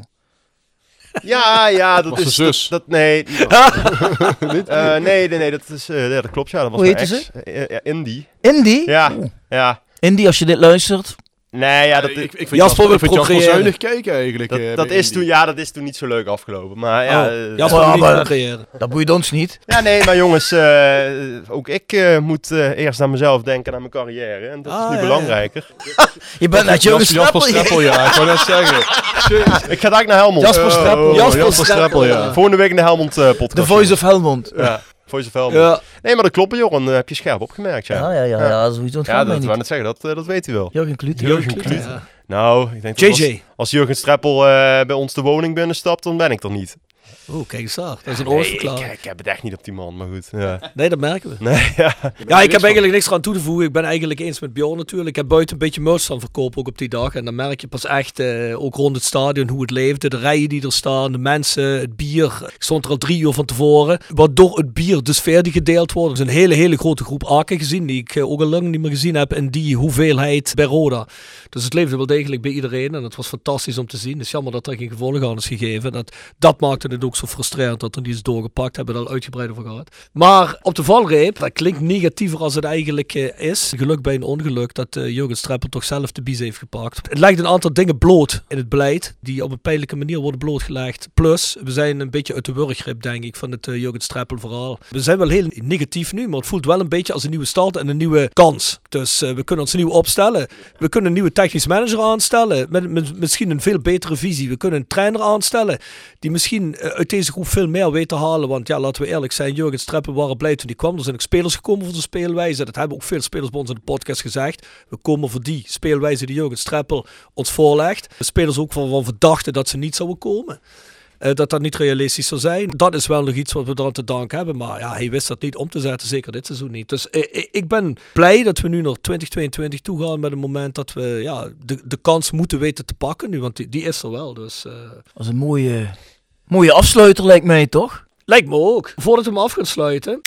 Stichtpunt Sterke Stories. Gepresenteerd door Stichtpunt Tattoo Kerkrade. Tevens gesteund door Van Ooyen Glashandel. Sinds 1937 vervangen en repareren wij al uw glas met veel passie en toewijding. Met 24 uur service. www.vanooyen.com En Quick Consulting. Laat finance waarde toevoegen aan je organisatie. We komen graag met je in gesprek om aan de hand van concrete voorbeelden duidelijk te maken hoe we dit ook binnen jouw onderneming kunnen realiseren. Think win-win, think quick. www.quickconsulting.nl Tevens gesteund door Roda Arctic Front. Uh, nog heel even, in het algemeen. En hele korte ronde. Wat is je het meeste opgevallen algemeen in het voetbal dit jaar? Zo, dan denk ik toch dat, uh, dat je uit het niks kan promoveren. Excelsior hebben we vorig jaar, denk ik, januari allemaal niet bij onze promotiekandidaten gezet. Er hoeft maar iets te ontstaan uh, en dan, dan kan er iets moois gebeuren. En uh, je moet gewoon in een goede vibe zien te komen. En dat valt de laatste jaren steeds vaker op. Dat zo'n clubjes het promoveren en niet de clubjes die op plek 3 en plek 4 zitten het hele jaar. Maar het zijn de, de clubs die aan het eind van het seizoen uh, goed, goed voor de dag komen. Oké, Bjorn? Dat er grotere clubs in de KKD zitten dan in de Eredivisie. En dat ik dus ook niet geloof in het fenomeen van, ja, je bent nu nog niet klaar als club om te promoveren. Als je kunt promoveren, moet je het nooit nalaten. Uh, en zelfs al vlieg je weer een keer eruit. Uh, je kunt altijd weer opnieuw promoveren. En, en er zijn nu kleinere clubs die, die bewijzen dat ze al jarenlang op het hoogste niveau spelen. Dus waarom zouden wij dat niet kunnen? Daarop aansluit de totale nivellering van het voetbal onder de top en misschien nog een paar clubs. Iedereen kan eruit vliegen. Uh, was een paar jaar geleden ook niet voor mogelijk het ons zou gebeuren. Is Twente gebeurd. En ik sluit ook niet uit dat het binnenkort Vitesse of Groningen gebeurt. En juist daardoor ook ligt er zo'n enorme kans door, uh, als je een beetje goed beleid voert, wel in die Eredivisie te overleven. Want er is geen enkele reden om aan te nemen waarom wij dat inderdaad niet zouden kunnen, wat Bjorn zegt ja, iets uh, wat niet per se voetbal gerelateerd is, technisch gezien, maar wat wel aan voetbal gerelateerd is. Uh, de betutteling van de maatschappij die zich uh, voortzet richting, verder voortzet richting de voetbalfan, waardoor de, de uitfans op mij betreft een uitstervend ras lijken te worden door allerlei rare maatregelen om hele kleine dingen die we 15 tot 20 jaar geleden heel anders zagen dan, uh, dan nu. Um, je wordt bijna per definitie, ook door onze eigen club hier in Kerkrade, uh, als fan en zeker als uitfan, uh, bijna per definitie gedefinieerd als, als uitschoten. Daar heb ik eigenlijk allemaal niks aan toe te voegen. Het was een iets wat negatieve podcast in het begin, maar ik denk we zijn geëindigd met een redelijke positieve noot. Nogmaals, ja, ik denk als iemand anders hier in de ronde daar iets over een andere visie op heeft, mag hij het rustig zeggen. Maar ik denk dat we allemaal, en mooi heeft dat net goed voor, uh, verwoord. We zitten met handen nieren erin. We gaan sinds onze jongste jeugd al naar rode. We worden daarom ook des te emotioneler als het niet goed gaat met de club. Of als er überhaupt maar wat gebeurt met de club. Ook als het goed gaat met de club. Ik denk dat we wel genoeg reden hebben gehad om wel een kritische noot te kraken. Want er mogen ook best wel eens harde noten gekraakt worden. Dit is geen excuus, dit is wel een verklaring. Tenzij nog iemand iets te zeggen heeft, wil ik hem afsluiten. Wij zijn de frustraties kwijt, dus... Uh... Sluit maar lekker af hoor. nou, de vrienden van de podcast. Jegers en Teerling Advocaten. Next door Kapsalon Nagel en Beauty Salon. Hotelrestaurant de Vellerhof. Herberg de Bernardeshoeve. Noordwand. Rapi Autodemontage. Van Ooije Glashandel. Quick Consulting. Wiertz Company. Fendo Merchandising. Nederlands Mijnmuseum. Roda Support. PC Data. Metaalgieterij van Gilst. Willem Weber Keukens. Stichtpunt Tattoo Kerkrade. TVOK Support Noord. En Roda Arctic Front. Roda fans uit. Scandinavië. Hey, uh, ons mailadres is voiceofclay.south16.com. De website is south16.com. En je vindt The Voice Match Day op petjeaf.com. Schuine streep naar voren, The Voice of Calais. En jullie horen ons weer volgende week. Tot dan.